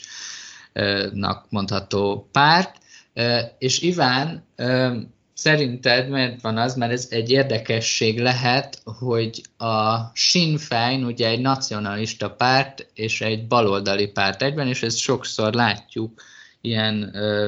kelta, vagy szóval ilyen brit szigeteken részein, ami nem angol, hogy, hogy a nacionalista pártok ö, baloldaliak, és ez ho- hogy alakult ki, miért lehet szerinted? Sőt, tehát nem csak a Sinn Féin, hanem a SDLP, tehát a Social Democratic and Labour Party is, amelyik ugye most egy kisebb, uh, republi- kisebb és mérsékeltebb republikánus párt, ugye a UUP ez egy kisebb és mérsékeltebb unionista párt, az szintén baloldali, ők ugye gyakorlatilag azért a, a Labour sokszor inkább a Labournek az ilyen testvérpártjaként funkcionálnak, ami rendkívül szórakoztató, amikor Kirsten olyanokat mondta, hogy ő szeretné, hogy Észak-Írország maradjon a, az Egyesült Királyság része. Hát ez egy nagyon érdekes kérdés, hogy miért alakult így. Ugye azért ez, tehát hogy például át, áttegyünk az északír határ túloldalára, az évköztársaságban, ott azért a Fianna Foyle nevű párt, ami ugye akinek valószínűleg rosszul ejtettem a nevét, az, ami ugye a Sinn Féinből szakadt ki annak idején. Most nyilván azért az egy ilyen jobb közép, ilyen neo, neolív, neokon szervezet. Egyébként nem különösen megkülönböztethetőek a nagy ellenfél Fine Geltel politikailag, de azért, de ők ugye Sinn Féinbe váltak ki, száz évvel ezelőtt körülbelül, tehát azért ez nem garantált. Tehát figyelj, szerintem ez egy nagyon érdekes kérdés, amit mondasz, mert ez tényleg így ugye skótoknál is, a Pride Camry, a, a Velszi, hát nacionalista párt, ők azért messze vannak a függetlenségi követelésektől, de, de mégiscsak. Ö, ők szintén inkább baloldali politikát követnek. Szerintem tehát nekem erre talán az a logikus magyarázat, hogy azért azért a brit politikában azért a nagy, nagy ellenfél ezeknek a pártoknak az mindig a konzervatív és unionista párt, hogy most egyszer az életben a teljes nevüket használjuk, tehát azért ezeket a, az ír, tehát egyrészt, egyrészt úgy gondolom, hogy azért az ír az ír függetlenséget is legerősebben a torik ellenezték, a skót függetlenséget is legerősebben a torik ellenzik jelenleg, Velszi függetlenség ha lenne ilyen mozgalom, az azt is legerősebb retorikán, ez az egyik. Másik pedig, hogy azért ezek a függetlenségi mozgalmaknak, ha jól tudom, a, a bázis az mindig leginkább azért az ilyen munkásosztálybeli uh, rétegben volt meg, és van meg. Tehát, hogy a, a, a törzs, törzsbázis, az, azért az mindig, ugye, beszéltük, hogy Észak-Írországban azért nagyon egyenlőtek voltak a hatalmi viszonyok, és ugye ennek megfelelően azért a katolikus közösségek, jól tudom, sokkal rosszabb anyagi helyzetben éltek, de ugyanúgy Írországban is, már szóval, hogy Skóciában is, azért a, az S&P bázis az, azért az alapvetően a rosszabb helyzetű társadalmi réteg révén, és nyilván ugye ezeket jellemzően baloldali gazdaságpolitikákkal egyszerűbb megfogni, mint nem tudom, fiskális konzervativizmussal, és uh, szóval igen, szóval szerintem azért alapvetően ehhez van közben, mert nyilván ugye innen jönnek a politikusaik, tehát ugye ez a politikusoknak az, az életélménye, hogy, hogy ők alapvetően elnyomott uh, csoportokat segítenek meg. Egyébként ez egy fontos, ezt is hozzátenni, hogy azért a, mind az írnacionalisták, mind a skót nacionalisták erőteljesen, mint elnyomott csoportokra tekintenek a, az írekre és a skótokra, akiket ugye elnyomnak a, a, a britek, és hasonlóan egyébként a, a, az ilyen posztkolon kolonia, tehát az ilyen posztkoloniális nacionalista mozgalmakkal, összeg itt is megjelenik az, hogy tehát összekapcsolódik a, a, az elnyomott kisebbségeket, persze nem is feltétlenül kisebbségek, de elnyomott nemzeti csoportokért való küzdelem, ugye összekapcsolódik a elnyomott osztályokért való közül, nyilván az S&P mondjuk viszonylag keveset használ osztályharcos retorikát, de, de azért ez, ez nagyon erősen összeszokott itt kapcsolatban, és talán e, ennek a mentésben segíthet ez a hasonlat, hogy az Ír- Írország tulajdonképpen nagy-Britannia, vagy hát Anglia első gyarmata. A lényeg az, hogy az ír nacionalizmusnak egyfajta már a megjelenése az 1900-as években egy baloldali közegben volt értelmezhető. A munkásosztály úgy érezte, hogy a britek nem csak az ő identitását nyomják el az egész Ír-szigeten, hanem, hanem így gazdaságilag is elnyomják, és e, alapvetően így én nem használnám azért a proletár forradalom kifejezést, de például a, a húsvéti felkelésnek volt egyfajta olyan hangja is, hogy ott tényleg a, Dublini munkások letették a kalapácsot, és helyette fegyvereket ragadtak, és a britek ellen harcoltak. Tehát, hogy alapvetően emiatt baloldali a, az ír nacionalizmus, ami ugye így Magyarországról nézve így kicsit szokatlan, hogy valaki baloldali és mellette nacionalista, pedig ugye erre van példa is. Hát nekem egy nagyobb politikelméleti uh, magyarázó keretem van, itt már az előző adásban elkezdtem kifejteni a, a hogyan kell politizálni van one t ugye amikor az ember liberális legy, vagy kollektivista, és a kollektivista akkor választhat, hogy hogy etnikai vagy nemzeti kollektivista lesz, vagy osztálykollektivista. De végső soron ez a kettő kollektivista. És én azt gondolom, hogy a, a, a baloldaliság és a nacionalizmusnak az összefonódása az nem kivétel, ahogy a kérdéset sugalt, hanem pont, hogy egyfajta törvényszerűség, hiszen a kollektivizmusok között nagyon egyszerű átjárás van. Azért tetted fel így ezt a kérdést, mert ebből a posztmodern neomarxista masztakból indulsz ki, ami ezt az egészet úgy, ahogy van, eldobja, mint a taknyos zsebkendőt. Ha megnézzük a 20. század rendes baloldali mozgalmait, a sztálini Szovjetuniótól kezdve a kasztróista Kubánát, az angolai felkelők, a nikaragói felkelők, a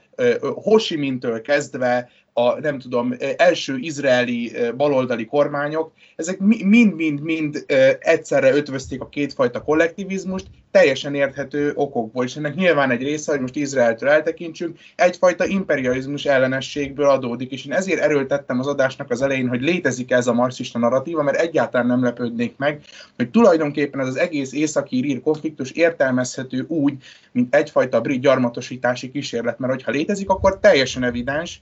hogy az ilyen kolonialista magyarázatokból kiinduló ö, ö, ö, marxisták ezt a kettőt ötvözik. Tehát, hogy a hallgatóknak a, ezt a kétségeit, meg a te kezdeti finomkodásodat próbáltam ezzel kicsit kiigazítani Ábel, hogy ez pont, hogy a szabályszerűség, és nem pedig a kivétel. Menjünk a talán utolsó vagy félutolsó blokkunkra, hogy tulajdonképpen ugye elvontuk nagyjából ezt a politikai helyzetet és um, status quo hogy hogy működtek, úgy működött ez a dolog, és szeretném, hogyha így összefésülnénk, és a hallgatók számára elmagyaráznánk, hogy miért érintette ezt a helyzetet annyira érzékenyen a Brexit, és ugye itt ennek lesznek gazdasági, meg politikai elemei is, de kezdjük a gazdaságival szerintem, és akkor Egon, mint mindig, ilyenkor hozzád fordulunk, mit kell gazdaságilag elképzelnünk, ha Észak-Írországra gondolunk? Mi ennek a régiónak a profilja gyakorlatilag? Akkor egy pár fontos dolog, ami, ami mindenképpen kell ahhoz, hogy, hogy jelenlegi helyzetet tudjuk értékelni. Egyfelől egy ilyen ipari országrészről vagy országról beszéltünk, ami történelmileg ugyanúgy egy neves iparterület, Írország egyik leggazdagabb régiója volt még tényleg az ilyen nagy gyáripari időkben, és akkor itt olyasmikről beszéltünk, mint nehézgépgyártás, textilipar, hasonló. Ellenben a 60-as, 70-es években, amikor megtörténik a ipari gazdaságról a szolgáltatói e, e, szektorra való átállás, pont a, a, a bizonytalanságok, meg a bajok miatt, amit emlegettünk, meg a fegyveres konfliktusok miatt ez az átállás nagyon nyögvenyelősen megy, és Írország ennek a mai napig issza a levét, nem tudott úgy, nem tudott a kellő időben meggyökeresedni az a fajta szolgáltatói piacgazdaság, ami egyébként Írország más részeiben, vagy akár az Egyesült Királyság más részeiben működni tudott. És nagyon látványos, hogy mikor kezd felívelni a, a, a az, az életszínvonal. Ez a 90-es években, nek van is egy neve, úgy hívják, hogy peace dividend, amit leginkább ilyen béke osztalékként lehetne le, lefordítani. Ténylegesen, amikor van egy politikai konszolidáció, meg, meg közeli kilátásba kerül a béke, akkor az írgazdaság is gyökeret ereszt az életszínvonalat el tudjuk képzelni, mert itt hajlamosak vagyunk erről kicsit kicsit borulátan gondolkodni, vagy úgy gondolkodni, hogy az egész egy ilyen na- nagy lepra telep egész Észak-Írország, ez azért nagyjából nem így van. Hogyha megnézzük az életszínvonalat, és ezt most nézzük a vásárlóerő paritáson miért GDP-vel, akkor azt mond, mondhatjuk, hogy az átlag brit életszínvonalat, tehát a UK per capita GDP-nek az északír körülbelül a háromnegyede, és hogyha megnézzük, ezt el tudjuk képzelni nagyjából, hogyha vásárlóparitáson eh, nézzük, akkor ez az északír eh, per capita GDP körülbelül annyi, mint a magyaré. Tehát nem túlzás azt állítani, hogy átlagban az északírek körülbelül úgy élnek, mint a magyarok nagyságrendileg, hogy ezt így nagyjából be tudjuk lőni. Eh, mi, mi is a probléma? Itt van egy nagyon komoly területi divergencia, tehát itt is vannak nagyobb városok, vagy olyan városok, amik korábban nagyobb iparvárosok voltak, amik gazdagok, és egyébként vannak vidéki települések, ugyanúgy, ahogy egyébként itthon is, amik meg leszakadoznak, mély szegénységben élnek hasonló. Az tény is való, hogy hogyha megnézzük, hogy a per capita GDP az Egyesült Királyságban hogy szól, akkor, szól, akkor azt mondjuk, hogy tényleg a, a, az évi 11 ezer fontra elmegy egészen 150 ezerig, és ha megnézed, hogy mely a, a északieknek a hány százaléka él mondjuk 14.500 font per capita éves GDP alatt, akkor kijön, hogy 60 a Tehát vannak városok, amik nagyon gazdagok, és vannak vidéki kis települések, amik meg egyébként sokszor mély, mély szegénységben élnek. Látványos a demográfia, a, a népességnek jelentős százaléka él, több mint 20% a 16 éven alatti, azonban ez azzal is együtt jár, hogy igen sok az inaktív, tehát azok, akik, akik nem dolgoznak nyugdíjasok, diákok, bármi, ugyanakkor akik aktívak, tehát munkát keresnek, körükben pedig nagyon alacsony a munkanélküliség, nagyjából teljes foglalkoztatás van, még akár a pandémia ellenére is. Amit fontos, és már itt pedzegettem ilyen politikai inkorrekt módon, hogy a északírek a britek pénzén élnek, ez nagyjából arra utaltam ezzel, hogy a, az északír GDP-nek közelítőleg a negyedét teszik ki, azok a, a negyedét teszik ki azok a támogatások, amit az északírek a, a Westminsteri költségvetésről megkapnak, ami, ami sok pénz. És végezetül, ami kereskedelem szempontjából fontos, és később foglalkozunk fel, az északír protokoll kapcsán ez a leglényegesebb, hogy, hogy kivel is kereskedik Észak-Írország, és mennyit kereskedik. Én meglepődtem, mikor ennek utána néztem készülvén az adásra. Észak-Írország közel sem olyan nyitott ország, mint amennyire előzetesen gondoltam. Tehát ha megnézzük a, a GDP arányosan, hogy mennyit kereskedik, tehát összeadjuk az importot, exportot, és ezt összevetjük a GDP-vel, akkor azt látjuk, hogy egy ilyen 25-30 százalék jön ki ami mondjuk az Egyesült Államok szintjével úgy, úgy nagyjából pariba van, és arról meg egy klasszikusan egy nagy zárt gazdaságként szoktunk beszélni, tehát nem arról van szó, hogy itt, itt orbaszájba kereskednek, ami nagyjából annak is köszönhető, hogy a, az északi termelékenység, ugyanúgy az életszínvonal a, a, a britnek pusztán egy töredéke, és nyilván emellett fontos azt is elmondani, hogy hogy a fő kereskedelmi partnert még csak nem is a, a, a Nagy-Britannia jelenti az Egyesült Királyság többi része, hanem a, az EU, tehát mind az export, mind az import tekintetében több mint 50%-os részesedésen felül van az EU, nyilván ebből a legnagyobb hányadot Írország, Írország teszi ki. Szóval itt ténylegesen az látszik, és szerintem ez az igazán látványos, hogy a politikai konfliktusok, a politikai bizonytalanság az, hogy a jogállamiság nem áll stabil alapokon, az mennyire megnehezíti egy országnak az átállását egy ilyen kritikus időszakban, mint mondjuk a, a 60-as, 70-es évek, és tényleg szerintem, hogyha így körülnézünk Magyarországon, nyilván bizonyos megszorításokkal, de nagyjából valami hasonló helyzetet láthatunk. Nagy vízfejek, gazdag nagyvárosok, és egyébként leszakadó vidéki települések, úgyhogy egyébként az ország tele van szubvencionálva, hogy most a Magyarország és EU-s támogatások párhuzamot felfeszítsem Észak-Írország és a, és, a, és a Westminsteri pénzek között, hogy ezt a párhuzamot felfeszítsük, aztán túl sok analógiát nem éri meg behozni, mert a végén még az ember beleszalad valami nagyon csúnyába, de nagyjából szerintem az összkép, összkép az ez, és szerintem ez, ezt fontos leginkább tudni. Említetted, hogy bizonyos elemei ennek a gazdaságnak kínosak lehetnek az északír protokoll miatt, ami ugye a Brexit deal része. Balázs, össze tudod foglalni nekünk, hogy mi is az tulajdonképpen az, hogy északír protokoll? Hát az északír protokoll az nagyon egyszerűen úgy fogalmazható meg, hogy ugye a 1998-as nagypénteki egyezménynek ugye a célja az volt, hogy ne legyen határ Észak-Írország, és az ír köztársaság között, és a 2016-os Brexit népszavazás után az volt a probléma, hogy valahogy mégis kell oldani, csinálni egy határt az Egyesült Királyság vége és az Európai Unió között, mert hogy kilépnek a, a, az Egyesült Királyság kilép ugye az Európai Unióból. Először Theresa May ugye a backstopot próbálta létrehozni, aminek az lett volna a lényege, hogy amíg ezt az északír dolgot nem oldják meg, hogy mégis hogyan legyen fizikai határ, ahol ellenőrizni tudják az árukat, de közben nyitott legyen a határ Írország és Észak-Írország között, addig nem lépnek ki az egész Egyesült Királyság a közös piacból. Ebbe bukott bele ugye Theresa May. Aztán végül Boris Johnsonék azzal álltak elő, és ugye ez valósult meg később Északír protokollként, hogy Észak-Írország az Egyesült Királyság részeként kilépett az Európai Unióból politikailag, viszont a, továbbra is a közös piac része maradt, hogy bizonyos Európai Uniós szabványok és szabályozások rá érvényesek legyenek, amiatt, hogy az Európai Uniónak a piacára ne kerüljenek olyan termékek, amiket, amik ugye nem felelnek meg az uniós szabványnak, emiatt pedig egy gazdasági határ került a Nagy-Britannia többi része és ugye Észak-Írország közé. Ez politikailag ugye nagyon kínos a északír unionistáknak, akik például áprilisban egy héten keresztül tüntettek is emiatt nagyon intenzíven, hogy töröljék el a protokollt. Ugye az unionista pártoknak is csökken a támogatottsága a protokoll miatt, mert hogy az unionisták úgy érzik, hogy ők ezzel egy másodosztályú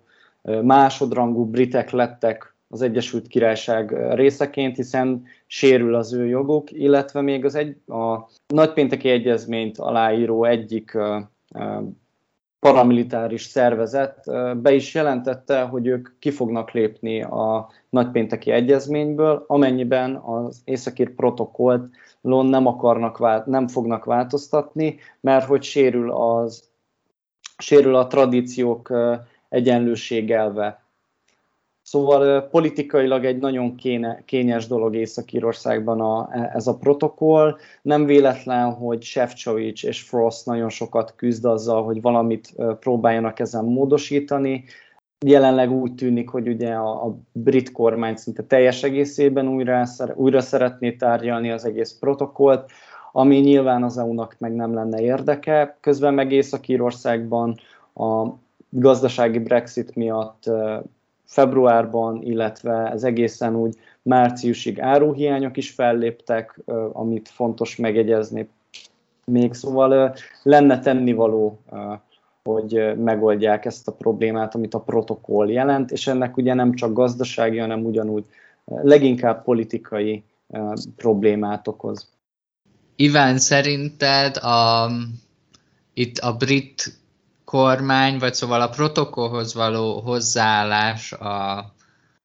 nyilván a, a brit kormány az, az, az, azzal kritizálja az Európai Uniót, hogy nem elég flexibilis, és nem hajlandó újra tárgyalni, még az Európai Unió azt, meg, és meg az ír kormány velük együtt azt mondja, hogy uh, itt a britek akartak brexitelni, brexiteltek, ők aláírtak egy protokollt, uh, amit évekig kellett rajta szerencsétlenkedni, most, és most már ez megvan, ők harcolták ki, alkalmazkodjanak hozzá. Itt szerinted egyrészt kinek van igaza, másrészt pedig a, vannak, akik azt mondják, az Európai Unió azt mondja, hogy a brit kormány alapvetően nem jó hiszeműen jár el ebben a témában, mert, mert fenyegetőzik azzal, hogy, vagy mindig előjön azzal, hogy újra kell tárgyalni ezt a protokollt. Szóval te hogy látod itt mi a helyzet? Én hogy látom? Szerintem hogy mondjam, tehát egyrészt az EU-nak volt erről, talán mint a beszéltünk már volna valamelyik korábbi adásunkban, volt ez a borzalmas húzással, amikor gyakorlatilag édesítette a protokollba épített atombombát, és lezárt a határokat, hogy nehogy véletlenül AstraZeneca vakcina jusson az északi kis kapunk keresztül az Egyesült Királyság, vagy valami hasonló. Ez nagyon gyorsan visszacsináltak, mint a minden létező szereplő az ír kormánytól, a brit kormánynál, nem tudom kicsodáig mondta, hogy ez egy baromi nagy baromság lenne, de a baj megtörtént. Tehát ezért így nehéz ezután így úgy gondolni, hogy az EU az teljesen mindig okosan és jó hiszeműen jár ebben a témában, mert ez nyilvánvalóan nem így történik. De azért én alapvetően úgy gondolom, hogy tényleg van egy ad, nagy adag um, rossz hiszeműség a Johnson kormány hozzáállásában, de ők alapvetően ugye Johnson nagyjából letárgyalt egy nagyon hasonló dílt, ami Theresa May-nek is sikerült,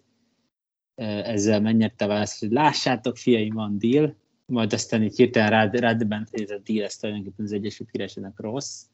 Egyébként abban igaza van szerintem Johnsonnak, hogy, hogy nyilván, nyilván az Egyesült Királyság szempontjából ez nem a legjobb deal, amennyiben az Egyesült Királyság területi integritását tekintjük. Ahogy erről szerintem már beszéltünk korábban, de de hogy szerintem itt nem ez a... De, de szerintem tényleg az, hogy letárgyalt Johnson, majd lehet, hogy ez egy rossz deal, ez szerintem miután ezt nagy,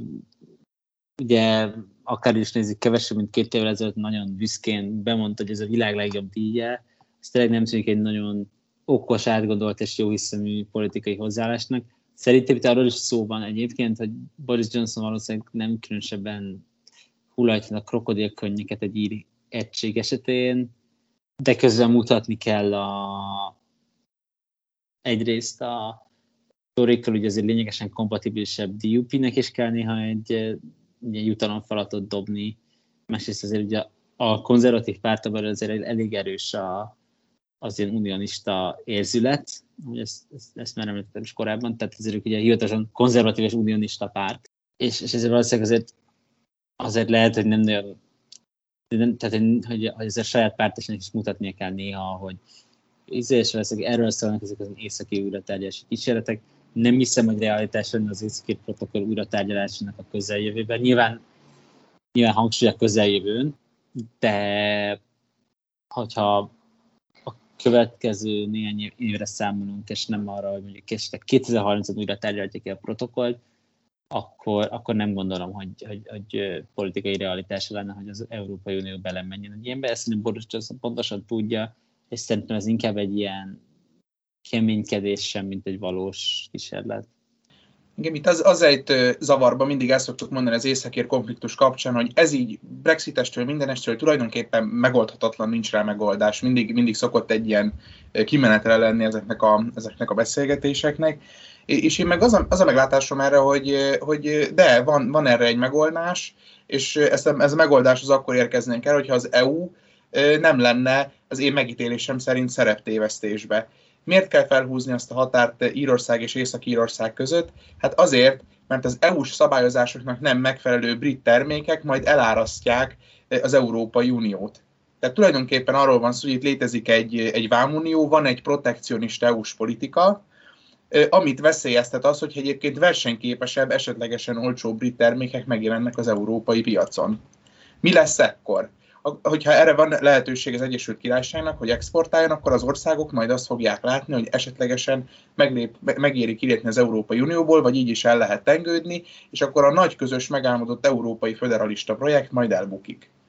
Itt ez a probléma. Itt az északír konfliktusban én azt gondolom, hogy az, hogy az euróról, mint federációról, meg politikai unióról gondolkodunk, az egy hatalmas jelentősége van ebben, és szerintem a Boris pont, hogy még csak nem is elégszer hangsúlyozza ki, itt nagyjából erről a konfliktusról van szó, itt nem brit nacionalizmus, meg unionizmus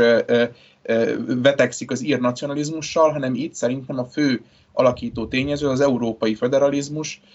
ami, amit meg ideje lenne már helyén kezelni. Balázs, mindjárt behozlak egy pillanat. Vagy mondjad Balázs, mert jelentkeztél is. Én, én ezzel hát, nem teljesen értek egyet. Tehát, én, én szerintem az uniónak teljesen logikus az, hogy a saját piacát védeni szeretné. Amerikában például, hogyha az ember géppel repül, akkor ki kell tölteni egy lapot, hogy vetőmagot nem visz be, hogy ezzel nehogy tönkretegye az amerikai mezőgazdaságot. Szóval elvárható az, hogy, hogy csak úgy ellenőrizetlenül nem fogja a saját piacára beengedni azokat a termékeket, amit előtte nem tud ellenőrizni, hogy a szabványainak megfelele, hogy, hogy egyáltalán az megvan-e vámolva, és teljesíti-e ugye a Brexit megállapodás többi részét is, és ugye így akkor már nem csak az északi protokollt kell nézni, hogyha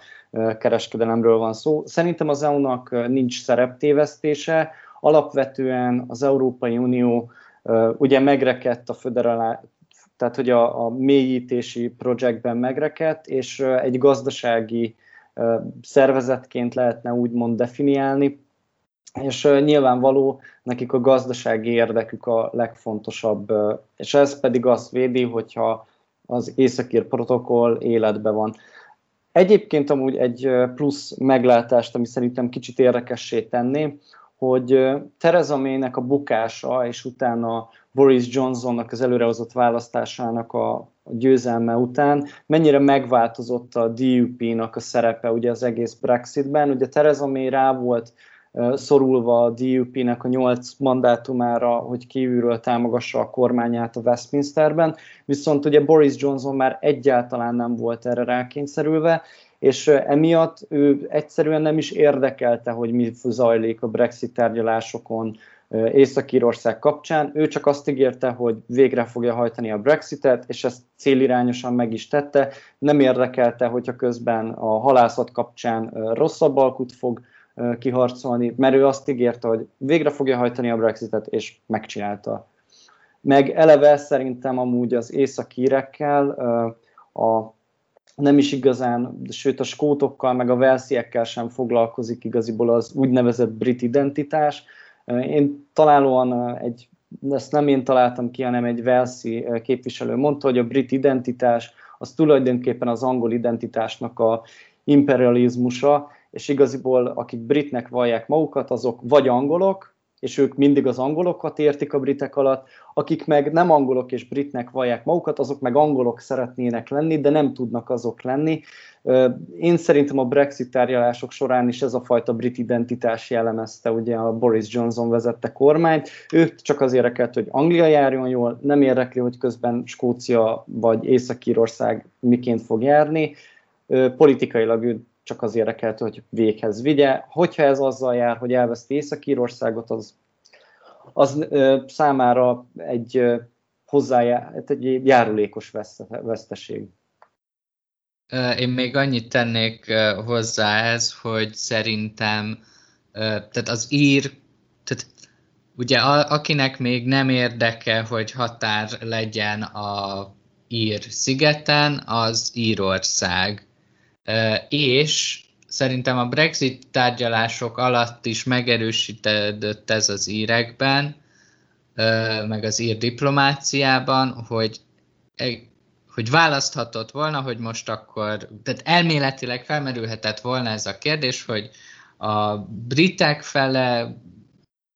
tesz kedvezményeket, britekkel orientálódik, vagy Brüsszel az EU-val orientálódik. És most ebben a kérdésben egész egyszerűen csak az ír érdek az, hogy az EU-val orientálódjon, mert hogyha a britek felé orientálódik, akkor alapvetően lesz egy alá-fölé rendelt viszonya. Írország pedig, vagy az Európai Unióban pedig ugye nyilván van két nagy ország, Franciaország és Németország, és azok dominánsak, de ki tudja építeni a szövetségi rendszereit, és a, a diplomáciával sokkal nagyobb súlyt tud az ír diplomácia és az Írország maga mögé tudni, azáltal, hogy tagja az Európai Uniónak. És szerintem ezért hajlandó és akarja az ír, ír diplomácia a, ezért akarja az ír diplomácia az Európai Uniós közös piac integritását olyan erősen megtartani, amennyire erősen akarja, mert egész egyszerűen látja, hogy abból neki ér, a, a saját érdekét azzal, hogy az Európai Uniónak és a közös piacnak része, sokkal inkább tudja érvényesíteni. Tehát itt szerintem az ír érdekek érvényesülnek, és ezáltal szívességként még duplán beleáll Írország a közös piacba, mert látja, hogy a közös piacon keresztül a jövőben is majd sokkal jobban fogja tudni érvényesíteni az érdekeit kisországként. Abszolút nem értek egyet az Egonnal abban, hogy, tehát, hogy most nyilván lehet valaki abszolút, nem tudom, ilyen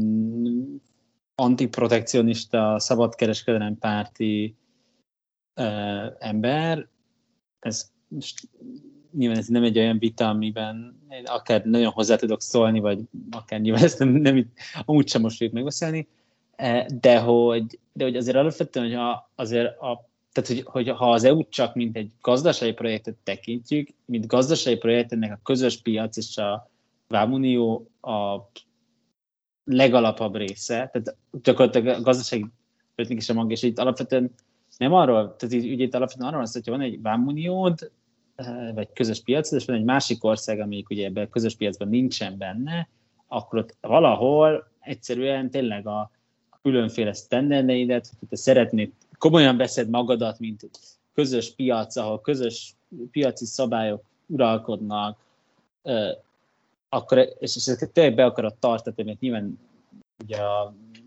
nemzetállami szuverenitás logikájából viszonylag következik, meg persze az EU nem egy nemzetállam, de hogy minden esetre az ilyen modernkori szuverenitás logikájából viszonylagosan következik, hogy tényleg beterül a törvényt, akkor előbb ezeket a töréket valahol be kell tartatni, és ugye és ugye, tehát itt, itt, itt csak egy gazdasági projektet tekintünk ezért, akkor is nagyon fontos nekik, hogy ez a ezek az ilyen piacszabályozásaik, ezek ne legyenek azáltal kikerülhetőek, hogy Észak-Írországon keresztül gyakorlatilag csempészhetsz. Az más kérdés, hogy viszont, és ugye nyilván ez a nagy dilemma, hogyha viszont ellenőrizni akarod a, a vámot, valahol ugye fizikailag is ellenőrizni kell, és onnantól kezdve vagy a írtengeren van határ, vagy az északír, tehát az ír-szigetek belső határon. Valószínűleg, és ezt nyilván sokan lebecsik, hogy mennyire nagy probléma, hogy az egy csomó északír polgárnak, és főleg az ő érzelmek ráható politikai erőknek, hogy, hogy határ van a, a, az ír tengeren, de azért az minőségiben legmás, hogy a, az ír tengeren van a határ, meg ugye gazdasági problémákat is okoz, ahogy ezt egyébként említettük, vagy hát ilyen élelmi, tehát, termékhiányokat. Ez nyilván ez minőség más, hogy egy tengeri határa, még csak felkelsz egy hajóra, repülőre, akármicsodára, vagy az, hogy konkrétan a, ugye itt itt ugye adott esetben ilyen határok által kettéve szabott búzamezőkről is beszélünk adott esetben. Tehát, hogyha pedi farmer búzamezője kettébe van vágva, egy határral, ez nyilván egy minőségileg más élmény, mint az, hogy húzódik egy vámhatár az ír tengeren, ami a, a, mivel ugye a Írország és az Egyesült Királyság között egyébként ugye közös utazási övezet is van, tehát egy kvázi ilyen mini Schengen, ezért ez ráadásul azokat, akik Észak-Írországban mondjuk Londonba, vagy Glasgow-ba, vagy utaznának, nem is érinti, ahogy egyébként Dublinból is szabadon lehet utazni Londonba és Glasgow-ba, és meg minden más brit településre. Az ilyen brit identitásról, hát szerintem van egy ilyen osztály érzete is, tehát hogy ez, az mérhető is, hogy minél magasabb az iskolai végzettséget például, és minél magasabb a fizetésed, annál nagyobb esélyed identifikálod magad britnek és nem angolnak kivéve persze, amikor foci EB van, de, de abban egyetértek, hogy tényleg van ebben a, a, van a brit, van, van a brit identitásban egy nagy adag angolság, hogy ezt a Balázs elmondta, és, és hogy ezt tényleg szintén egy bele, benne van ezekben a folyamatokban, nyilván azt hiszem egy angol adást is megérné egyszer, és akkor erről többet tudunk beszélni. Két, két dolog hangzott el, az egyik a,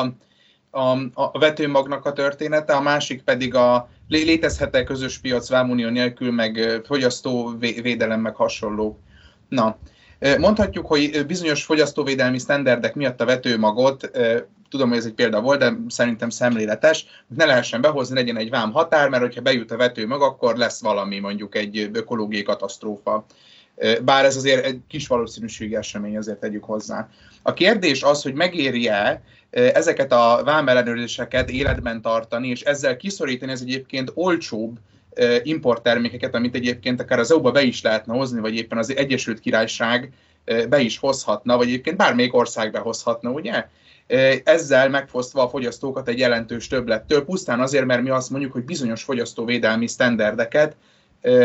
beszeretnénk tartani. Nem inkább arról van ez szó, és ezzel kapcsolódok arra, amit te mondtál, Iván, hogy az Európai Unió jelen formájában nagyjából egy ilyen supranacionális szintre emelt protekcionizmus, ami nagyjából arról szól, hogy az európai nagygyártók, vagy az európai gyártók, nem kell, hogy feltétlenül nagygyártók legyenek, az érdekeit politikailag nemzetközi, vagy nemzetek feletti szinten próbáljuk meg érvényesíteni, és próbáljuk meg ezt a blokkot elzárni a világtól, meg a világkereskedelem egy jelentős részétől, ami egyáltalán nem kényszerítik, hogy ezek a vállalatok egyébként versenyképesebben működjenek. Nem véletlenül néznek ki ennyire szarul az európai termelékenységi adatok, nem véletlenül tart itt az európai gazdasági növekedés mondjuk az Egyesült Államokkal összevetve. Az Európai Uniónak valóban kell szolgálni az, hogy az egyes tagállamok kereskedjenek egymással, azonban ez nem történhet meg szerintem annak a kárára, hogy, hogy, hogy más termékek esetlegesen olcsóbban bejussanak, mert végső soron ezzel mindenki jól jár, hogyha ha nem kényelmesednek el az európai gazdaságok. És igenis, aki erre azt mondja, hogy nem, az egy, egy, egy föderalizmusnak álcázott protekcionizmust képvisel,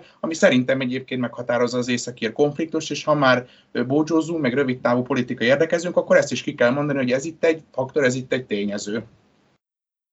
Én csak annyit mondanék, hogy de senki nem tiltja meg Nagy-Britanniának, hogy az Európai Unió területére behozza ezeket a termékeket, csak annyi, hogy a Brexit megállapodásban, amit több éven keresztül tárgyaltak, lefektetett szabályok szerint történjen meg ez.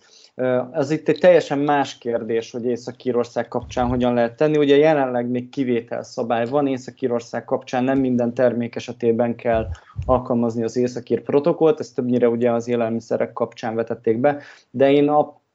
én erre csak annyit tudok mondani, hogy most is be tudja hozni a Nagy-Britannia az Európai Unió területére ezeket a termékeket, viszont Észak-Írországon keresztül próbálná ezt tenni, akkor csempészni tudná, akkor nem menne át azon a vámos, vámolási folyamatokon, amin át kellene mennie, hogyha mondjuk Franciaországon keresztül próbálná megtenni ugyanezt. Szóval szerintem az Északír protokollnak Európai Uniós szemből nézve abszolút van értelme. Oké, okay, és akkor a záró kérdés, vagy a záró mini blokk, hogy nyilván ezzel, hogy egy kvázi határ van az ír tengeren, azért Észak-Írország egy fokkal vagy egy lépéssel közelebb kerülni látszik Írországhoz. Szerintetek a mi életünkben akár lesz-e Egyesült Írország, illetve a Balástól egy picit azt szeretném, hogyha kifejtenéd, hogy az ír politika hogy reagál erre a helyzetre, mekkora lehetőséget lát ebben. Egon, picit hozzád is felteszem a kérdést, mint, mint közgazdászként, hogy az, hogy most gyakorlatilag könnyebben keresked, ha egy északír kereskedő vagy, könnyebben kereskedsz egy Írországgal, mint Nagy-Britanniával gyakorlatilag. Ez szerinted mennyire mozdíthat el mondjuk a kereskedő rétegben, kereskedő osztályban egy, egy adott esetben republikánusabb fordulatot, és Iván, szerinted lesz-e Egyesült Írország, illetve az annak, annak mi, milyen jelentősége lesz a brit politika egészére nézve, és akkor most azt hiszem, kicsit mást kérdeztem mindenkitől. Szerintem lesz uh, Egyesült Írország az életünkben. Balázs nem tudom, hány éves vagy, de Ábel, Egon és én életemben biztos, de azt hiszem nem, vagy annyira idő, nem lehetsz annyira idősed nálad, hogy te életedben ne legyen. Ez sem lesz, mert ahogy egyébként szerintem meg talán máskor beszéltünk, én továbbra is úgy tartom, hogy ennek a egyszerűen ezek a egyébként nyilván valamennyire mindig meglévő ilyen politikai és gazdasági kicsit, kicsit, tehát hogy Egyesült Éreset, ez egy kicsit mindig Írországhoz is tartozott Észak-Írország, és ez a nagypéntek ott különösen így van. És ez most ugye erősödött a, az északi protokoll, és ezek a folyamatok egyszerűen be fognak érni, plusz ugye említettük, hogy nő az, ír, az északi lakosságban, tehát ugye a, a protestáns többség az csökkenni látszik. Szóval nyilván ez nem egy, nem egy 2022-ben bekötkező esemény, ez, de szerintem ezek a folyamatok be fognak érni, hogy ennek specifikusan a brit politikájára milyen jelentősége lehet, hát egy, tehát ha csak a Westminster-t nézzük, semmi. Ezt igazából azért mondom, mert a mert ugye mivel külön pártrendszer van Észak-Írországnak, ezért gyakorlatilag az északír politikusok, és, az, és ebből az északír politika, ez mindig egy ilyen teljesen marginális dolog volt a Westminsteri politikában, ugye leszámítva ezt a néhány, hány év volt, ez két és fél évet, ameddig a DUP um, Confidence and Supply megállapodása biztosította az a Westminsteri kormánytöbbséget, illetve aztán egy idő után már az sem, ha jól emlékszem, de ezt, ezt mondjuk az már nagyon, nagyon kabaré része volt a 2019-es parlamenti eh, eseményeknek. Azért ezek, ezek alapvetően ezek a, az északi politikai erők azért nem nagyon tudnak megjelenni a brit politikában, tehát ez nem véletlen, hogy amikor az Ábel írt, Ábel, amikor beszéltük így a közös chat csoportunkban, hogy lesz egy ilyen, legyen egy északi és mondta az hogy jöjjön a Balázs, akkor ő valami ilyesmit írt, hogy, hogy a Balázs foglalkozik a legtöbbet északír kérdéssel a magyar médiában, meg amúgy igazából a, a brit sajtónál is sokkal többet foglalkozik, és, és ez sajnos tényleg így van, hogy azért az északír kérdés ez nagyon marginális, ezt lehet érezni, hogy, hogy mondjuk a New Statesman amúgy erősen ilyen politika nördökre kiegyezett podcastjában is írjálisan sokat kell magyarázni, hogy miért fontos az északír kérdés, Szóval ebből nem, nem sokat, abból a szempontból, hogy, hogy most létrejön esetleg egy Egyesült Írország, amelyik egy ott esetben sikeres, és mondjuk azért egy Egyesült, tehát hogy a Észak-Írország, egy Egyesült Írországra, akkor több, mint valószínű, hogy EU-s tagállam lesz, vagy hát, mert ugye erre megvan a, a, a, a német egyesítésből a precedens, tehát, hogy még lesz egy ilyen siker, adott esetben sikersztori, hogy itt hagyják a briteket, és vissza az EU-ba, és nagyon jó, az főleg a skót függetlenségpárti erők, ugye népszavazáson, az főleg a skót függetlenségpárti erőknek azért egy elég komoly politikai muníció lehet.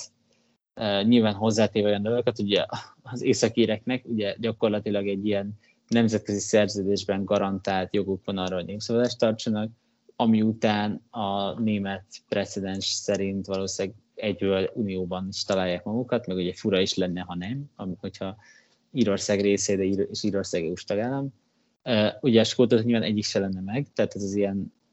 ez minden sokkal kevésbé lenne döccenőmentes a, a kilépés az Egyesült Királyságból, a Skoxit, vagy hogy hívják ezt mostanában, de, de én úgy gondolom, hogy ebből a szempontból nagy hatás lenne. A, a napi politikai működésre sajnos nem gondolom, hogy komoly befolyással lenne egy ilyen egy északíre egy írettség, mert, mert eddig se volt akkor a befolyással az északi kérdés a brit politikára, hogy, hogy, hogy ezt észre lehetne majd venni. Nem, nem tudom, hogy lesz -e Egyesült Írország. Azt mondom, hogy ha gazdasági szempontokat mérlegelünk, meg a szavazók úgy mérlegelnének egy népszavazáson, akkor, akkor lenne, és a válasz az, hogy nem lenne. Egyfelől azért, amit, amit már említettem is, Észak-Írország meglepően keveset kereskedik, akár GDP arányosan, ugye azt mondtuk, hogy ilyen 25-30 százalék, tehát tulajdonképpen egy zárt gazdaságnak tekinthető, aminek rengeteg oka van, leginkább azért, mert az északír termelékenység adatok olyanok, amilyenek, tehát ez nem egy meghatározó tényező az ország gazdasága szempontjából, és ami kereskedelmet folytat, annak is 50%-nál magasabb a részesedése az EU-s országoknak, nagyrészt Írországnak. Tehát ez a kérdés kereskedelmi szempontból, hogyha marad is az északi, hogyha marad az északi protokoll, nehezen megérvelhető, hogy miért lenne szükség esetleges csatlakozásra, a másik pedig ténylegesen a költségvetési szubvenciók, hogyha megkapod a, a GDP-nek a 25%-át feltétel nélküli állami támogatás formájába, akkor azért erősen átgondolod, hogy szeretnéd ezt a, ezt a pénzcsapot elhajítani magadtól, és egyáltalán nem biztos, hogy az Írországnak a gazdasági ereje álljanak bármilyen jól ugyanilyen mértékű támogatást biztosítani tudna. És én azt gondolom, hogy ha ezt a kettő tényezőt valahogy megpróbáljuk, megpróbáljuk egyszerre figyelembe venni, akkor abból nem, nem, nem következik ír újraegyesítés, és remélem nem is fog. Tehát egy ilyen 10-20 évvel ezelőtt ez egy nevetséges felvetés lett volna egyébként az, hogy mi egy egyesülés előtt álló Írországról beszélünk, viszont az, hogy manapság már nem csak elvi szinten merül ez, ez a kérdés fel, ez azért mutatja azt a potenciált, ami erről lehet. Egyébként a, az ír közmédia, az RTE tartott nemrégiben, hát márciusban tartott egy vitát, ahol Leo Varadkar, ugye a Finegál vezetője és jelenlegi miniszterelnök helyettes Írországban, illetve Mary Lou McDonald, a Sinn Féin vezetője, és a DUP is Gregory Campbell vitatkozott, és Gregory Campbell mondta azt ebben a vitában, hogy, hogy ez egyszerűen egy feles, tehát egy, egy rossz kérdés az, hogy az unionisták milyen Egyesült Írországot akarnak. Ez olyan, mintha azt kérdeznénk egymástól, hogy milyen lapot kérsz, azon kívül, hogy 9-es legyen és fekete. Tehát valami hasonló szöveggel vágt, tehát valami hasonló szöveggel reagálta le ezt a kérdést, de tény, hogy ez egy megkerülhetetlen kérdés azért a border poll lassan, viszont ami fontos, hogy annak ellenére, hogy a demográfiai mutatók azt mutatják, hogy többségében lesznek a katolikusok Észak-Írországban, akik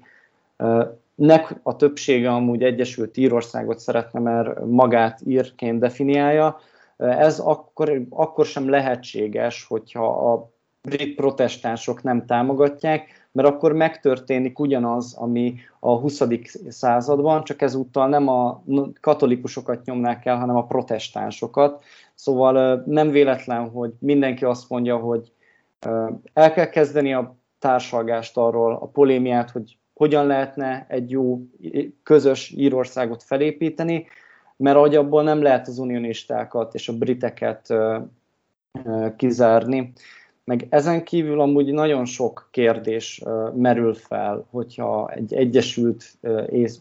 Írországról beszélünk, hogy például akkor népszavazáson dönthetnék el, akkor ugyanúgy, ha többségbe kerül mondjuk egy szavazattal a egységet akarok, akkor onnantól kezdve mindenkire ráerőltetik ezt, vagy csak azokra a tartományokra, ahol többségében voltak ezek milyen legyen az államformája ennek, milyen legyen az alkotmánya, mert hogy ugye az ír köztársaságnak az alkotmánya az angol és ír nyelvű egyszerre, amit az unionisták nem biztos, hogy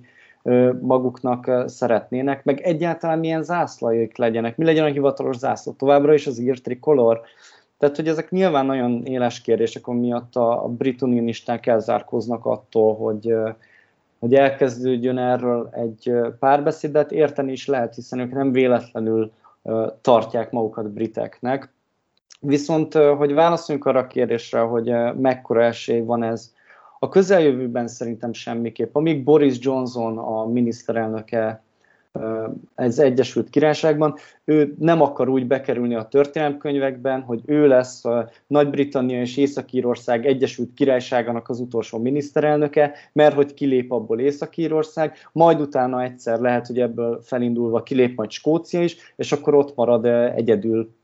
ugye az angol királyság, mert ugye az angol királyság az a angol, Anglia és Wales együttesen, ő biztos, hogy ezt nem fogja engedni, ugye Skóciának is megmondta, hogy 2055-nél előbb nem fognak kiírni új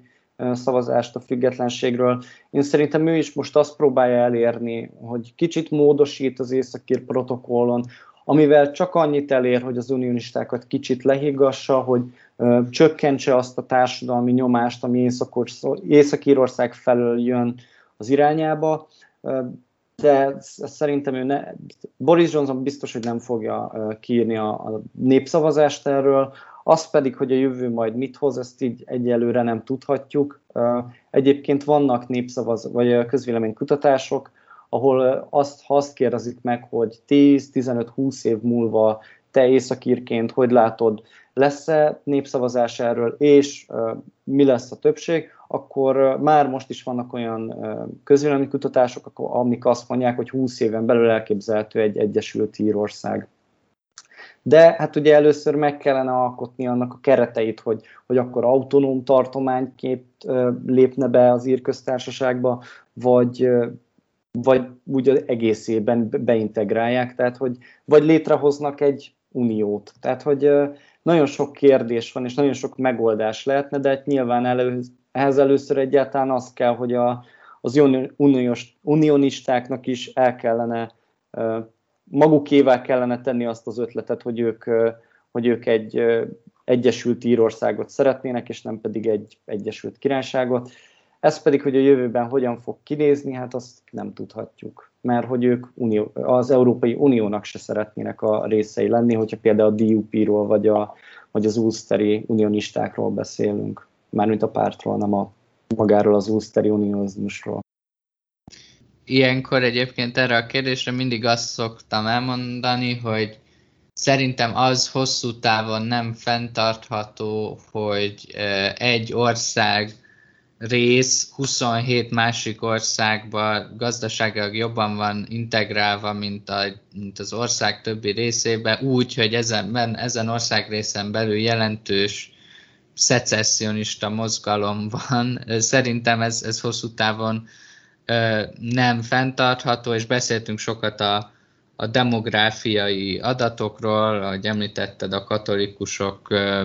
jobb ütemben szaporodnak, mint a, mint a protestánsok, és az még egy nagyon érdekes dolog, hogy beszélgettünk arról is, hogy a DUP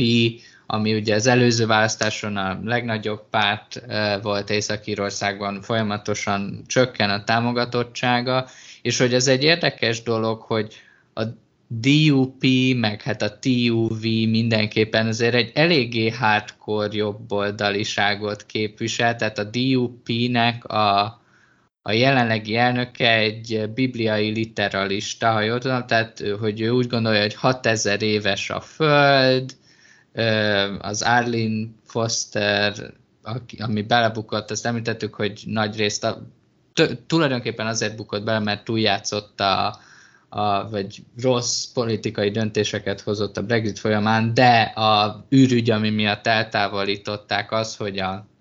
milyen felháborító, hogy ő tartózkodott azon a szavazáson, hogy ö, nem ö, fogják betiltani a gay conversion therapy, tehát a, a, a melegek átnevelésére utaló terápiát, és hogy ezen azért száborodnak föl, hogy,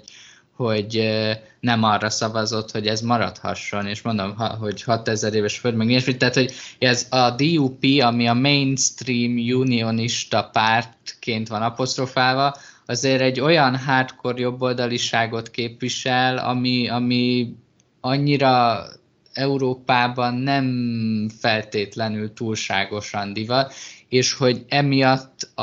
a, a, az úgynevezett Alliance Party, a szövetségi párt, akit mondtuk, hogy semleges ebben a kérdésben, felé ö, sodorja a, a szavazóit, ö, és nyilván, hogy ez a, ebből, ebből a párból a szavazók, ezek milyen irányba fognak mennének el adott esetben egy ilyen népszavazáson, az már egy másik kérdés, de, de hogy ha ez a Sinn Féin, meg az egyéb, tehát a, a nem unionista pártok hatalmát erősíteni fogja mindenképpen, és ugye ez a Lions Party egy nagyon erősen EU-párti párt, a, e, ezek miatt a dolgok miatt gondolom, hogy a, unionizm, a demokratikus unionista párt a világtörténelem egyik például a legnagyobb tökön szúrását végezte el, amikor a Brexit mellett ennyire kampányolt, mert a saját sírjátásra és erősít, és el, egész egyszerűen csomó embert elidegenített, csomó potenciális, mondjuk mérsékelt UK, marad, unionista párti szavazót eltaszított magától, és nem vagyok benne biztos, hogy abban a párt struktúrában, ami a jelenlegi unionista deklaráltan unionista pártokat jelenti ebben a formában, ez, lehet korrigálni. Tehát én, ilyen, én ebből egy ilyen hosszú távú, hosszabb távú dolgok miatt és, és strukturális dolgok miatt gondolom, hogy szerintem lesz Egyesült Írország a mi életünkben is, és akkor Balázs legyen tied vendégként az utolsó gondolat. Én csak itt a TUV-ra gondolatodra felcsatlakozva szeretnék így arról beszélni, hogy ugye a, a, ugye a TUV-nak a, a rövidítése, a Traditional Unionist Voice, ők egy 2007-ben létrejött párt, és Amiatt, mióta életbe lépett ugye az Északír protokoll, nekik a támogatottságuk megnőtt, mert hogy ugye a, hiába próbálta a Starling Foster, illetve 21 napos elnöksége alatt a DUP vezetőjeként Edwin Putz, hogy, hogy radikalizálja ugye a, a, az északír protokollról szóló diskurzust, hogy így állítsa meg a, állítsa meg a támogatásuknak a csökkentését. Ez nem sikerült, tehát látjuk, hogy a TUV, akik nem fogadják el például a, a nagypénteki egyezményt, ezen kívül a hatalom megosztás ellene vannak, ők azt szeretnék, hogy ne legyen kötelező koalíció, hanem mindenki, most hát a legtöbb szavazatot szerzett párt maga dönthessen arról, hogy tud-e felépíteni egy olyan koalíciót a parlamentben, amivel megvan a többsége. Tehát, hogy azt látni, hogy az unionisták inkább radikalizálódnak most, radikálisabb eseményeket, tehát radikálisabb pártot akarnak támogatni, mert hogy úgy érzik, hogy azzal fordítható meg az egész diskurzus, hogy akkor Észak-Írország miként fog majd beintegrálódni az ír köztársaságba, mert hogy ők nem a köztársaság része akarnak lenni, hanem ők továbbra is ugye a brit koronára felesküdve a monarchia részei, szóval a, a jövőben én még továbbra is, tehát én azt gondolom, hogy a jövőben még ugyanúgy erősödni fog a, a vagy meg fog nőni az erőszaknak a száma. Most ugye áprilisban az unionista fiatalok ki is mentek megdobálni rendőröket, összetörni autókat, felgyújtogatni üzleteket, mert hogy elégedetlenek